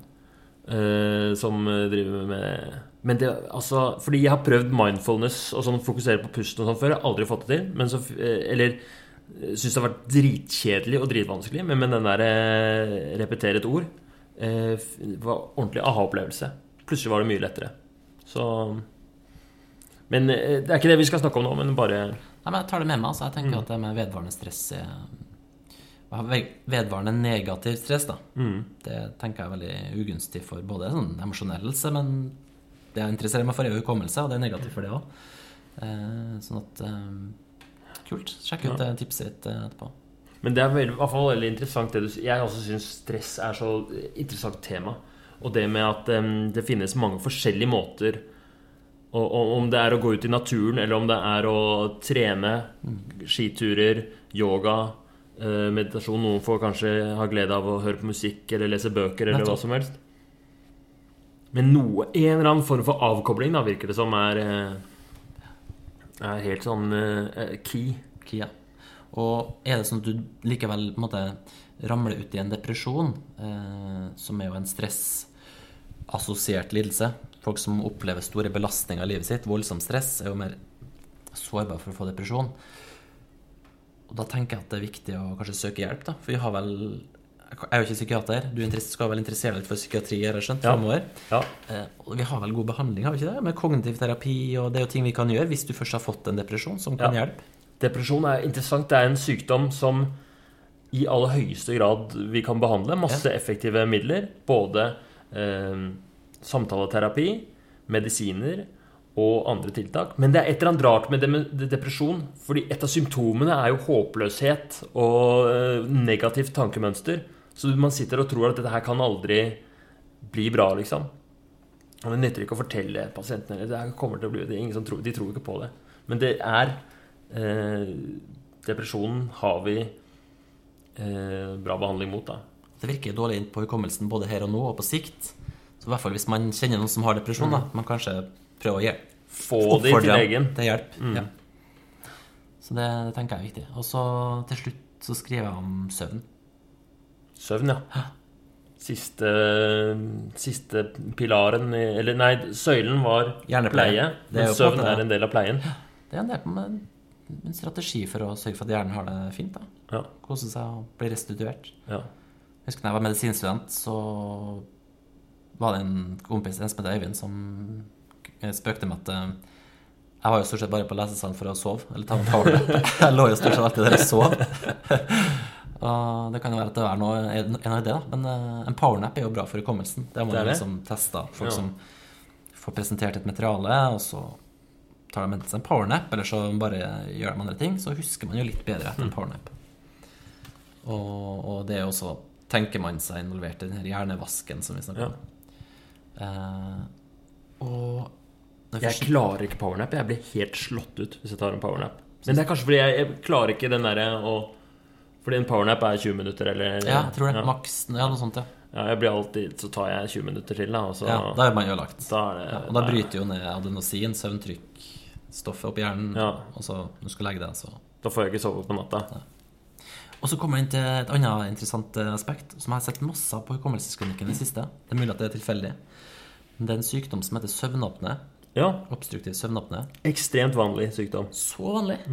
Og da f- pus- slutter man jo å puste. Ja. Og da får man jo metnings- eller saturasjonsfall. Og halvparten med søvnapné har høyt blodtrykk. ja. Hva har vi sagt om høyt blodtrykk? Det er skadelig for hukommelsen. Og metningsfall er jo i hvert fall ikke bra for hjernen. Nei. Så søvnapné, det tenker jeg er en veldig viktig tilstand å være oppmerksom på. Og det er også behandling for. Fins behandling. Masse altså, det, Man trenger ikke å gå rundt og Men det er sånn skjult sykdom som folk ikke Det er. Det er så mange som har det. det De som bor alene, vet i hvert fall ikke at de har det. Nei, nei, nei.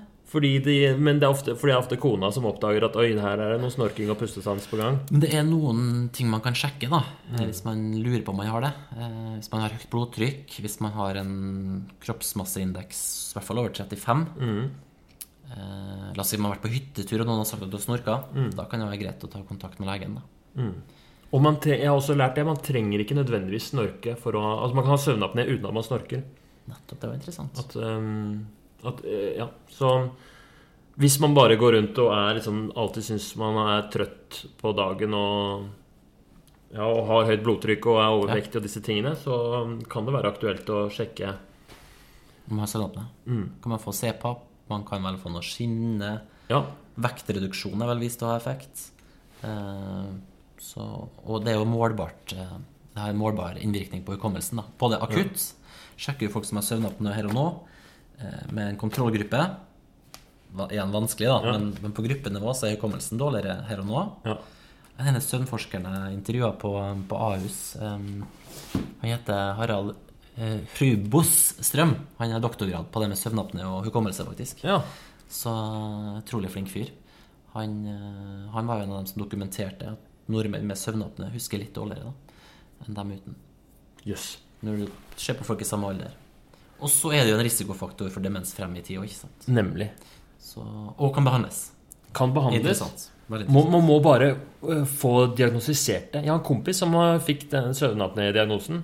Øh, Han snorka i alle år, og så kom han til legen, som tok og, og sendte han på sånn øhm, øhm, Sånn overnatting på søvnlaboratoriet, hvor man finner ut av det. Fordi man blir filma og målt i, gjennom en natt. Men det fins også Jeg tror det fins Man kan vel også få en sånn saturasjonsmåler og ta med hjem, Kan få med hjemmeapparatet. Så ja, så man kan sjekke. Veldig bra. Han prøvde å eh, Fordi jeg tror, det, jeg tror ofte at man har dårligere kvalitet Hvis man sover på ryggen, så får man de pustesansene, men man Ja. får det ikke så lett på sida. Så han prøvde å sy en tennisball Han sov med en T-skjorte med en sånn tennisball på ryggen. For å teste, men det funka ikke så bra. Så, så det er, han skal kanskje få eh, Få sånn eh, pustemaskin. Ja, Da. er maskin, ja. Mm. Han derre Hva heter han eh, basketballspilleren? Eh, LeBron eh, Nei, Shaquille O'Neal. Shaquille Neal, ja. Eh, han er liksom posterboy poster for søvnapné i USA. Så han er på sånne reklamer med pustemaskinen og bare ja. Så bra, da. Ja, dritbra. For det er jo ikke alle som er overvektige heller. Og det er ikke Nei. alle som er gamle som har Det er jo yngre, slanke Ja. folk som kan ha det. jeg. Ja, jeg tror mange syns det er litt kleint å få en sånn der pustemaskin hjemme, liksom. Det føles. Men de, er, de blir bedre og bedre og mindre, og, og det, er, det er viktig, altså. Jeg skjønner at det er dritt. Jeg skjønner at ikke alle klarer å bruke det. Men i hvert fall hvis man om man ikke klarer å Så vet man i hvert fall at man har en tilstand da, som er f.eks. assosiert med høyt blodtrykk. For det er vel noe med de pustestoppene som trigger det sympatiske nervesystemet og, og, og, og den perifere motstanden, Ja. sånn blodtrykket drives opp. Ja. Så om ikke annet så kan du i hvert fall ta blodtrykkstabletter. da Eller i hvert fall at du på en måte prøver å tvike det rundt det. da Ja. Det er jo ofte multifaktorielle ting. Nemlig. Søvnapne er jo en tilstand som kanskje er assosiert med andre ting òg, som man kan Ja, ikke sant? Og som du sa, vektnedgang eh, kan hjelpe. Og Trening. operere mandlene kan Nettopp. være aktuelt. Det skal kompisen min gjøre. Så bra. Um, er det noe med at man får pustestans, og så får kroppen på en måte panikk? Det ser og sånn så ut. blir blod, blodtrykket Det er i hvert fall en, en målbar eh, Det ser ut til å være en målbar aktivering av det sympatiske nervesystemet. Hva med Det har jeg lurt på. Holde pusten. Fordi du sa i stad at den hypoperfusjonen, at jeg får metningsfall, at det er dårlig for hukommelsen. Hvis jeg holder pusten eh, Det er en annen venn av meg som har drevet med sånn pusteteknikk for å bli flinkere til å holde pusten. Han kunne til slutt holde pusten i fem minutter Ja. før han eh, Hvorpå han eh, besvimte og begynte å kaste opp og holdt på å dø, liksom. Kjæresten kom og bare Hva, hva skjer? Så nå får han ikke lov å gjøre den pusteteknikken lenger, da. Veldig interessant hobby. da ja, Det var det er, Men det var liksom eh, Det er en sånn Det heter Wim Hoff-metoden. Det er sånn Ja, YouTube-fenomen. En fyr som er eh, Som sier at det er eh, Det er eh, kuren for alt og med sånn pusteteknikk. Å holde pusten. En, det var livsfarlig for han kompisen min, da, så det vil jeg ikke anbefale. Men er det å holde pusten lenge og få det metningsfallet, er det, tror du det er farlig for eh, Eller kan disponere for eh, hukommelsestap og eh, skade på hjernen? Kanskje over tid, da. Jeg tenker Søvnapné, da gjør du jo det gjentatte gang. Natt etter natt, år etter år. ikke sant? Ja. Så jeg tenker sånn, ok, gjør det én gang. Hjernen har jo relativt eh, gode reserver. Ja. Du har jo en viss oksygenkapasitet i blodet. ja. Sånn at uh, jeg vil vel tro at det, det man gjentar over tid, Ja. Sånn som ved søvnapné, da. Som du i hvert fall ikke, kjenner til det. Ja. Men når han holdt pusten i fem minutter og besvimte Det, er, det høres ut som det daua noen hjerneceller da. Det ser ikke bra ut, da. Ikke anbefaler. Ja, vi sov på hotell. eh, Jeg var på samme rom, jeg og han, på en sånn tur. Og så lærte han meg Det var ganske kult allikevel, da, hvor mye etter å ha pusta seg opp, liksom, hvor mye lenger jeg klarte å holde pusten. Men treng, hva, var, hadde han noe motivasjon? Nei, jeg tror motivasjonen var eh, Det er etter at, eh, Det er nesten en sånn rusfølelse òg. Ja. inni der. At det føles litt sånn samme følelse som når man har meditert, liksom. At det, man er avslappet og god. Men, eh, men uh, Nei, det er ikke anbefaler fra et hjerneperspektiv. det er godt å høre. Ok, da har vi vært gjennom mange eh, Mange tanker om hva som bremser demens. Ja, vi har jo snakka om de her tre søylene, eller le- levevannene, da, med å sørge for stimulans på ulike måter. Prøve å holde blodårene friske. Og legge til rette for god hjernepleie. Da. Så tenker jeg at de står jo veldig fint oppå et fundament av en fysisk aktiv livsstil. Aha! det var derfor treninga ikke kom før nå. Men det, det har irritert meg litt, fordi jeg føler at fysisk aktivitet har vært eh, kanskje litt oversolgt i noen miljøer. Ok. Det har jo vært solgt bøker og, og holdt eh, foredrag som sier at ok, eh, hvis du er fysisk aktiv, så reduserer du risikoen for demens med 30-40% sånn og sånn og sånn. Eh, det, det er litt omdiskutert. Eh, jeg tror ikke at fysisk aktivitet alene vil, vil eh, gjøre at du unngår demens. Men jeg tenker at det kan være en, eh, en fin måte å, å oppnå stimulans på. Det kan være en fin måte å holde blodårene friske på. Å være fysisk aktiv vil jo forebygge høyt blodtrykk. Mm. Kjenner du noen maratonløpere som driver med sigarettrøyking? Nei. Fysisk aktivitet vil jo senke blodkolesterolet. Mm. Eh, fysisk aktivitet disponerer jo for bedre søvn. Ja. Det har jo en antidepressiv virkning, Ja. sant? Selvfølgelig. Og er du fysisk aktiv, så vil det jo være hensiktsmessig for deg å spise sunt. Ja. For det vil jo legge til rette for, for uh, treninga. ja.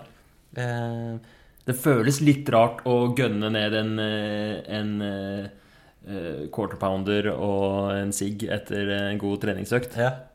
Så jeg tenker at eh, fysisk aktivitet er kjempebra, men hvis du ikke kan være fysisk aktiv, da, la oss si du har slitasje, artrose i begge knærne, du har en eller annen sykdom som gjør at du ikke kan være aktiv, så vil du ikke få demens fordi du er fysisk inaktiv. Ja. Selv om det står overalt at eh, trening er løsningen på demens, så tror jeg at, eh, jeg tror at det er et, eh, et, en fin tilrettelegger da, for de Ja. tre seilene. Men Men fysisk aktivitet er også behandling av artrose. Så hører Ja, ja, jo, snakker ja, om, må jo komme seg ut i ja, komme seg ut. Jeg tenker bare at, eh, at, eh, at, at det er bra, men at Det er noe med de nyansene som du etterlyser litt i den der amerikanske boka. Ja. Mm. Så absolutt, vær fysisk aktiv. Jeg syns det er veldig bra sjøl. Det kan være bra for de andre tre seilene. Hva slags fysisk aktivitet er det du foretrekker? Jeg synes det er fint å være i fjellet, da. Du er fjellmannen. Jeg liker vokst opp i, ved, ved sjøen og ved fjellene. Mest sånn på ski, eller å gå, eller å klatre, Eh, eller på, på vinteren så elsker jeg å gå på topptur, da, på ski. Ja. Og prøve å sette av litt lengre litt flere uker til det. På sommeren så gjerne med løpesko og lett oppakning, kanskje. ja. Har du favorittfjell? Det er jo fjellene på Nordvestlandet, da. Nordmøre. Romsdalseggen og Ja, eller Nordmørseggen, som vi kaller det. Ja, vi har et eget alternativ på Nordmøre. Er det samme er det, det er ikke samme egg? Den er litt mindre kjent, den. Den ligger eh, på Eide på Nordmøre. Den Nord- er men den er fin. bedre? Ja, veldig mye bedre. Romsdalseggen er også godt eh, fin. Den er grei, liksom. Men, er helt grei. ja, men det er helt vill natur eh, oppi der, da. flott. Tror jeg er veldig bra for eh, hjernen, altså. Ja. Tror man føler seg i hvert fall eh, bedre. ja, for det er, et, eller annet- på fjellet som er så eh, livgivende. Det, om det er at du er så stor At du kan se så langt, liksom, og, og, og du føler deg så liten i jeg, jeg var på fjellet her eh, for noen eh, En drøy måned siden, på mm, eh, Besseggen. Og altså Den derre følelsen av at eh, Ok, hvis jeg eh, Hvis jeg driter meg ut nå og går feil vei i noen timer, eller hvis jeg blir litt ukonsentrert, så dauer jeg. Det er også litt sånn eh, Det får man ikke så ofte i byen. Jeg tenker at det gir deg litt mer kontrast, da. Eller liksom, det, det setter litt mer spenning på tilværelsen. Ja. Så jeg, nei, det føles bra. Så det er iallfall det jeg bruker som avkobling. Kult. Den boka den har ikke kommet ennå. Den er eh, Planen er at eh, vi holder nå på med siste innspurt, og at den skal komme ut i, til våren, forhåpentligvis eh, i mars 2020. mars 2020. Da må folk være klare. Det kommer til å bli en Det her blir bestselger, altså. Det er jeg helt sikker på. Gleder meg veldig. Den, og det er jo relevant for alle. Alle har noen, eh, nesten alle, da, har noen i familien som eh, har hukommelsesvansker eller kjenner noen. Og det er så viktig for samfunnet òg, den derre eh, Med eldrebølgen og den Alle de menneskene som kunne vært eh, friske og, og hatt livsglede, liksom. Altså, demens er så forferdelig sykdom. Hvor du bare røver livet fra folk og gjør folk pleietrengende og koster enorme mengder for samfunnet og for de det gjelder. Det er dritbra. Tusen takk for at du skriver om boka her. Altså. Det kan jo hende det faktisk, hvis, hvis, noen, hvis noen kanskje tar noen gode valg, eller eh, det kan, jo, det, kan jo, det kan redde så mye, liksom. Jeg var jo eh, veldig opptatt av å få folkehelseministeren på banen, da. For jeg tenker En ting er hva man kan gjøre som person, eh, men skal vi på en måte eh, få det her til monne, så tenker jeg at vi må inn på folkehelseplan da, og påvirke på den måten. Politisk eh, Litt sånn Ja. som røykeloven, liksom. Jeg tenker at røykeloven har jo vært, eh, vært medvirkende til å, å gjøre helsa bedre, også hjernehelsa. da. Ja. Det er en sånn sterk risikofaktor som jeg sa, for hukommelsessvikt. Ja. Så jeg prøvde å få snakke med folkehelseministeren, for hun mener jo Eller hun sier jo i noen uttalelser at folk må få gjøre sånn som de vil. De må gjerne røyke og drikke sprit og spise rødt prosessert kjøtt. Og jeg har ikke vært helt enig med det, da. Men uh, avfeide blankt intervju. Okay. Jeg hadde jo tenkt å, å intervjue i boka, men det var hun ikke interessert i. Nei. Det er dårlig. Jeg syns det var dårlig. Jeg tenker at, uh, at hun og, og, mm, og myndighetene har et ansvar for å legge til rette for at det skal være lettere for folk, særlig folk med lave ressurser, eh, til å ta gode valg. da. Ja, nemlig. Fordi det er jo ikke sånn at eh, Altså, ja, folk skal få lov å gjøre som de vil, men det er akkurat Man ser jo veldig forskjell i eh, hvor du er på sånn sosioøkonomisk nivå, og hva slags eh, valg du ender opp med å ta. Så de som har eh, kommer fra en familie med lav økonomi og lav utdannelse, de røyker mer, drikker mer. Så jeg tenker i hvert fall å, å- legge litt til rette da, for at folk kan gjøre litt sunnere valg. Eh, Det er ting som myndighetene må litt sterkere inn på. Ja. Hvorfor har vi taxfree, f.eks.? Et sånt spritsalg som, hvor du får billigere sprit hvis du har vært ute og flydd. Er, jeg, jeg skjønner ingen mening at du skal belønne flypassasjerer som, eh, som altså, Da har du allerede liksom litt på etterskudd miljømessig, og så skal du bare gønne på med masse sprit i de som, eh, som Og det er ikke noe avgift til, eh, tilbake til staten engang. Jeg skjønner ikke. Vanskelig å forstå. Det er digg da å få, få seg en rull med snus eh, på vei ut av Gardermoen. Og Ja, steike opp. sprit og sånn. Um, en ting som vi ikke har snakka om, er alkohol. Hvordan er det innpå Vi hoppa jo over det, for det Ja. bruker jeg ganske mye tid på å snakke om. Du gjør det, ja? Det hadde jeg glemt. Alkohol disponerer for demens, eller? Jeg syns det er veldig fint å ta seg et eh, glass. Ja. Eh, liker jo å ta meg en øl eh, innimellom. Men, eh, men når du ser på, på forskninga, så er den ganske hardtslående, eller nedslående, da, når det kommer til alkohol. Jeg vet at du er glad i det, for vi har, jeg har til og med loddet ut en vinflaske til deg på Ja. vinlotteri. På eh, Birkelund Mannskors julekonserts årlige 2018. vinlotteri. Ja. Det var en stor ære å Gratulerer. få tildelt den. Du var den i salen av 450 stykker som eh, vant den vinflaska. For et sammentreff.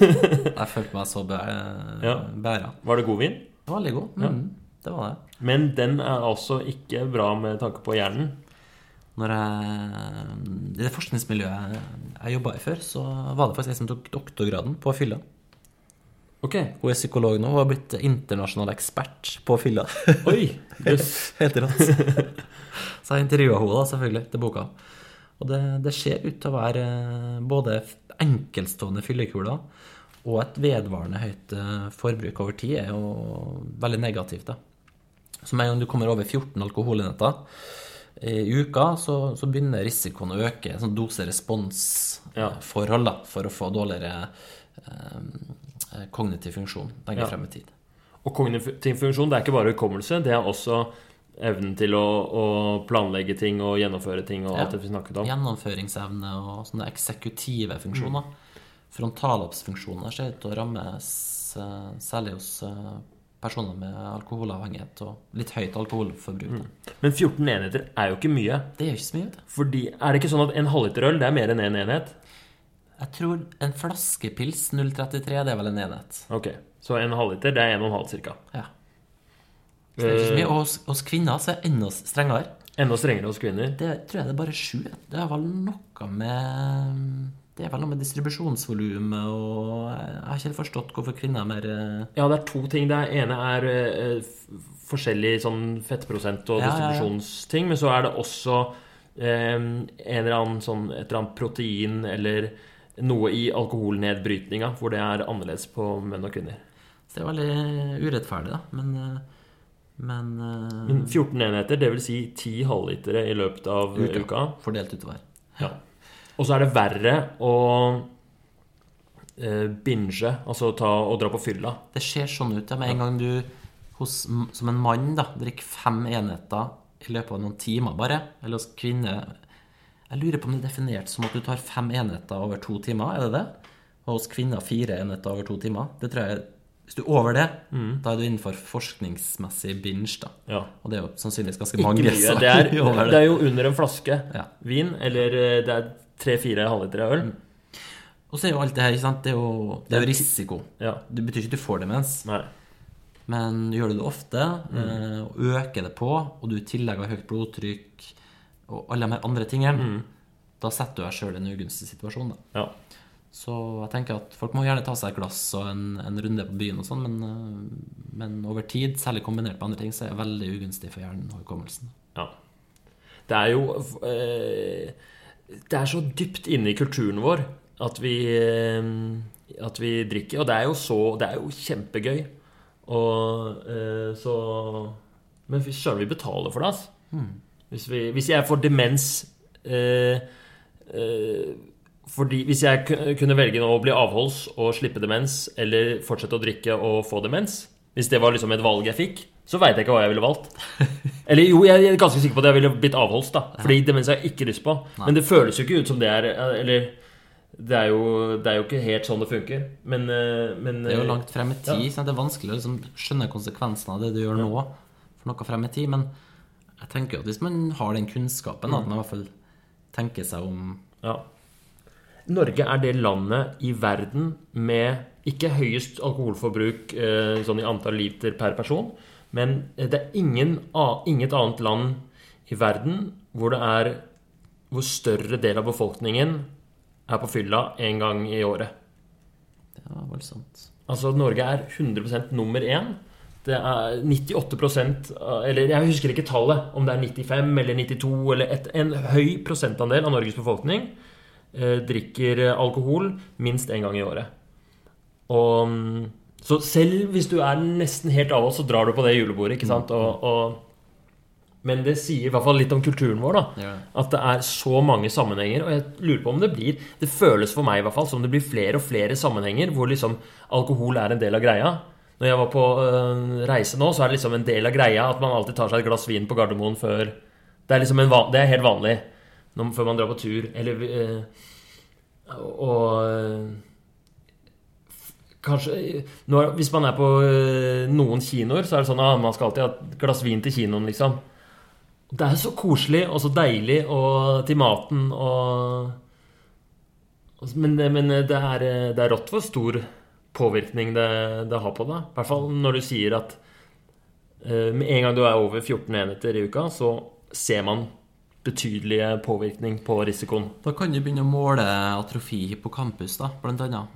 De har jo gjort undersøkelser hvor man har gjort MR-bilder av hjernen til friske Ja. folk fra Storbritannia. da, i undersøkelsen der. Og bare så liksom, ok, hvor mye drikker du i løpet av en uke, og så fulgte man folk over tid. Og når det kom over 14, så var det tegn til litt økende skrumping da, hippocampus, det her området i hjernen som er så viktig for episodehukommelsen. Ja. Som var på en måte korrelert oppover da, med, økende opp, eh, med økende alkoholinntak. Så det er iallfall målbart. Mm. Har det påvirka deg når du har lært dette her, om eh, ditt eget Jeg forhold til føler det alkohol? har gjort det. Mm. Jeg syns denne kunnskapen har i hvert fall Jeg synes jo alltid det er alltid artig å ta seg en, en, en god fest, men samtidig så Det gjør meg kanskje litt mer oppmerksom. Ja. Jeg, jeg vil ikke si at jeg er blitt noe perfekt menneske overhodet. Eh, men du, du blir kanskje litt mer obs. Ja. Ja. Ofte når jeg møter eh, leger, så syns jeg det er så spennende å høre om om du har noen pasienthistorier eller noen erfaringer som har gjort inntrykk på deg. Veldig mange. Men i hvert fall nå som vi snakker om det her med hukommelse da, og hjernehelse, så har jeg blitt veldig veldig fokusert på det med, med hjerte-kar-helse da, og betydning av det for hukommelsen. Så når det kommer til det, så har jeg jo kanskje tenkt mer og mer på det i det siste. Jeg husker en pasient som hadde fått påvist høyt blodtrykk da han var på min alder, sånn i ja, midten av 30-åra. Eh, hadde nå hatt det høye blodtrykket uten at den hadde noen spesiell risiko for det. Eh, Hvor høyt snakker vi? La oss si at det hadde vært sånn 160 over 90, da. Ja. Hos en en fyr sånn som, som meg, da, på, Ja. på legekontoret. Og så hadde han gått med det, og så hadde blodtrykket fortsatt høyt, så han hadde fått flere og flere blodtrykksmedisiner, og fikk til slutt fire blodtrykksmedisiner. da, Hadde egentlig brukt dem over en tiårsperiode, da. Wow. Fire blodtrykksmedisiner. til slutt, ja. Ja. Det gikk jo over mange år der, da. Da altså, tenker jeg på sånn eksamensspørsmål.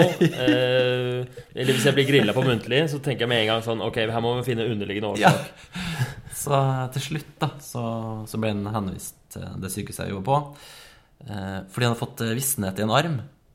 Ok. Han ble visnet i armen. Ja. Og så kom han inn, og så tok vi en blodgass. Mm. Det må man alltid ta. Ja. Blodgass. For da får du jo svar på litt sånn syrebaseforstyrrelser. ja. Så en blodprøve fra arterien på hånda. Mm. Og han hadde da kalium på 2,3 eller noe sånt. Oi. Her er det noen nyere Ja. Ja. Og han sto jo på et uh, diuretika, og så hadde han metabolsk alkalose. Ok. Skjønner. Han hadde jo høy bikarbonat, da. Det her ene jonet som Ja. Det er ikke et jon, men det er vel en Hva er det for noe når det er satt sammen av Det Det blir jo et uh, slags ja. jon. Det er Ja, negativt Ja. eh, ladd eh, stoff som flyter ut. Ja, ja. Du har hatt bokperiode, og jeg har ferie, så Som driver og bøfrer blodet, da. Og det var høyt, og han hadde da den her, en triade, da. Med høyt blodtrykk og lavt kalium og denne alkoholosen, alkalosen, eller den høye bikarbonaten. Som man ofte ser ved primær hyperaldosteronisme, eller Kohn-syndrom. Nemlig. Og man tror at kanskje sånn I hvert fall 5 da, minst, av alle med høyt blodtrykk har eh, en eller annen form for eh, primær hyperaldosteronisme. Hvor det Ja. skilles ut for mye allosteron fra et sted i binyren, Ja. og blodtrykket går opp. Og på samme måte som andre former for høyt, blodtrykk, så vil jo det gi endeorganskade over tid. ikke sant? ja. Så han hadde en underliggende årsak til sitt høye blodtrykk, som var da En, en av de vanligste er da primær hyperaldosteronisme. Som er sjelden. Men Som er som, likevel eh, eksisterer, da. Men det skulle man tenkt på eh, når han var oppe på sin fjerde blodtrykksmedisin, liksom. så må man eh, Da må man se, sende pasienten til en Hvem er det som gjør de utredningene? Endokrinologer, eller? Ja, men alle medisinske poliklinikker i Norge Ja. kan gjøre det. Ja. Men ja, endokrinologene Sant, For det er visse ting som du må bare sjekke, for det er lett å behandle.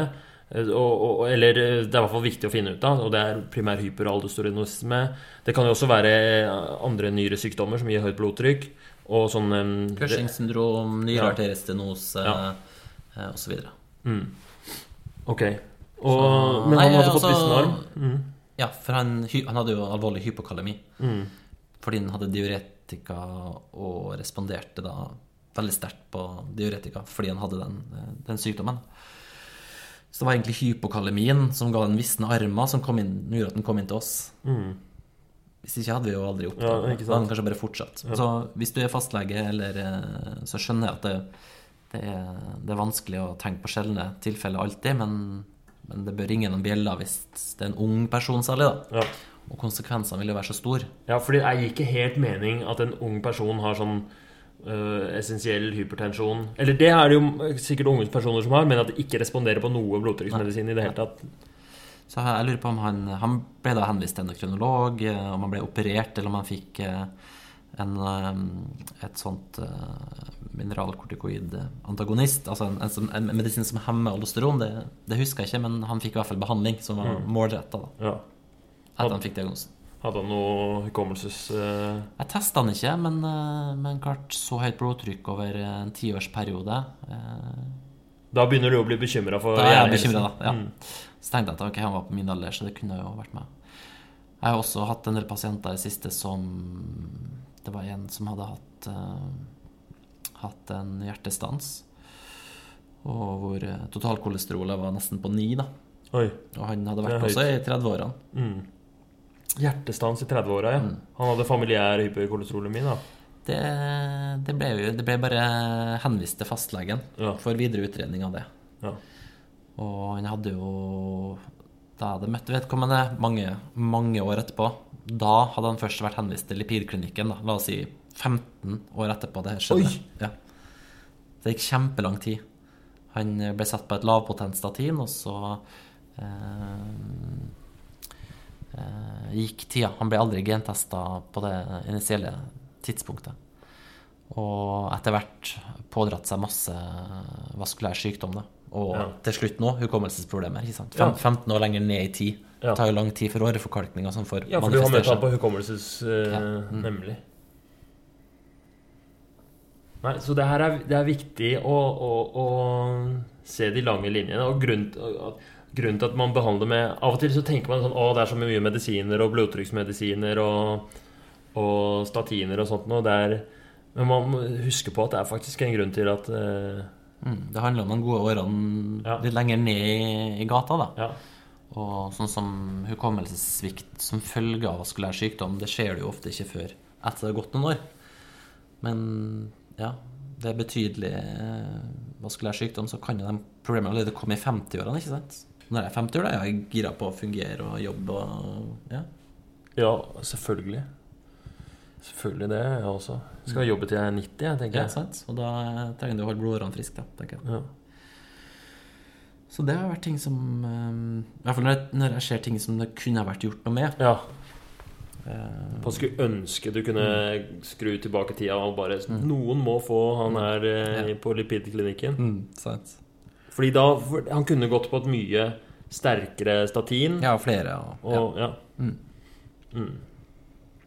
Nå har vi også fått eh, nye kolesterolsenkende medisiner, noe som heter PCSK9-hemmere, som man kan forsøke hvis statina ikke fører frem. Da. Så det er et fantastisk navn. PCSK9-hemmer. Ja. Som er et alternativ til statin? Ja, som man kan legge oppå hvis man ikke kommer i mål. Ja. Så det her er jo spesialiserte, ofte hjerteleger og folk på lipidklinikken som styrer, da, men uh, det fins jo, så det er jo virksom behandling. Hmm. Har du noen medisinske forbilder? Medisinske forbilder? Nå jobber jeg jo på Hukommelsesklinikken. Der er det jo, har jeg en veileder som heter Peter Wetterberg som har skrevet en bok om hukommelse. Okay. Og den husker jeg faktisk han, eh, han visste meg da jeg var der første gang i 2007. Eh, så han er et forbilde. Han er liksom utrolig flink på, på kartlegging av kognitiv funksjon. Da. Ja. Og, Hvordan da? Han, eh, han kan liksom Han har et veldig sånn rikt testbatteri da, som gjør at du kan dissekere ut hva er det personen svikter på, eller hva er det personens vansker ligger hen, da, og så okay. beskrive det. For mange kommer til hukommelsesklinikken med et hukommelsesproblem, tror de. Ja. Men, men, det mener Peter, da, er bare fordi de har et for dårlig vokabular. Det er, det er ikke alltid det hukommelsen som er problemet. De har f.eks. ordleting. Altså de har problemer med å finne ord, ja. som er et språkproblem ofte. Ja. Eh, eller det kan være at de har eksekutive vansker. Ja. Eh, vansker med å bruke strategier eller læringsteknikker eller eh, se sammenhenger eller ja. planlegge. Du kan ha lav IQ eksempel òg, eller være, ikke ja. kunne skrive? Eller, det kan man ha. Lese skrivevansker, ja. Og ofte språkproblemer og eksekutive problemer blir ofte tolka som hukommelsesproblemer. Men da er Peter eksperten, ikke sant? Han bare går inn og tar den, den testen og finner ut ja. men du har faktisk et sånn og sånn problem, og det Ja. kan peke på sånn og sånn. Mm. Det, vi kan hjelpe deg sånn og sånn. Diagnosen kan være sånn og sånn. Nemlig. Så er- jeg, jeg har gjort mange av den derre Ja. MMS-undersøkelsen, som, er, eh, som gir et slags bilde av kognitiv funksjon og særlig hukommelse. Særlig hukommelse, da. Men han da har flere sånne verktøy, og kanskje egne triks. Ja, egne triks på Hvilke, har du, kan du huske et sånt eh, triks han har?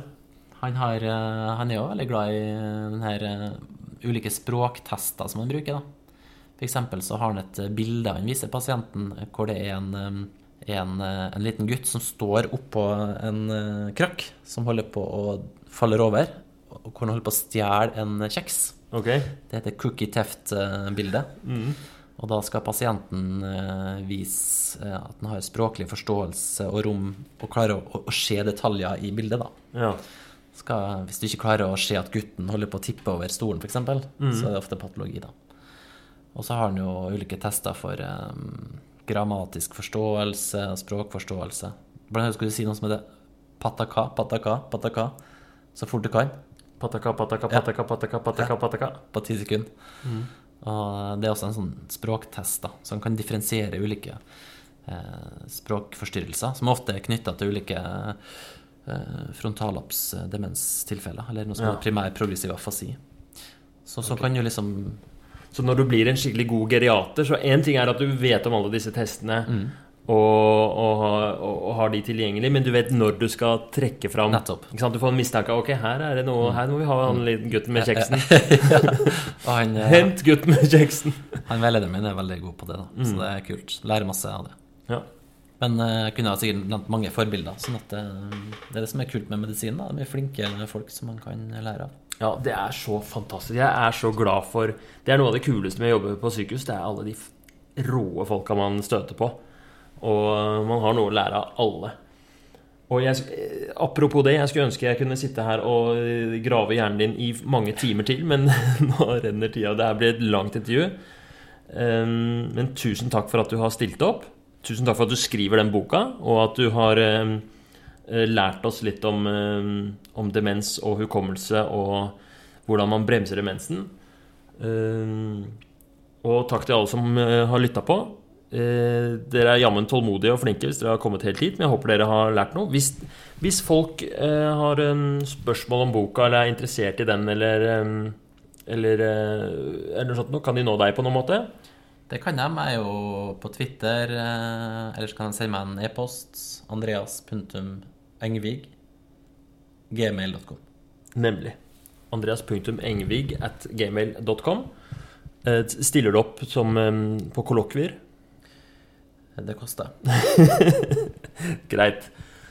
Hadde jeg vært eh, medisinstudent igjen, så hadde jeg vært mye flinkere til å reach out til eksperter og til foreleserne. Og jeg følte at jeg bare satt og eh, leste bøkene og så snakka litt med medstudentene. Men man har jo så mange man kan ut og spørre, liksom.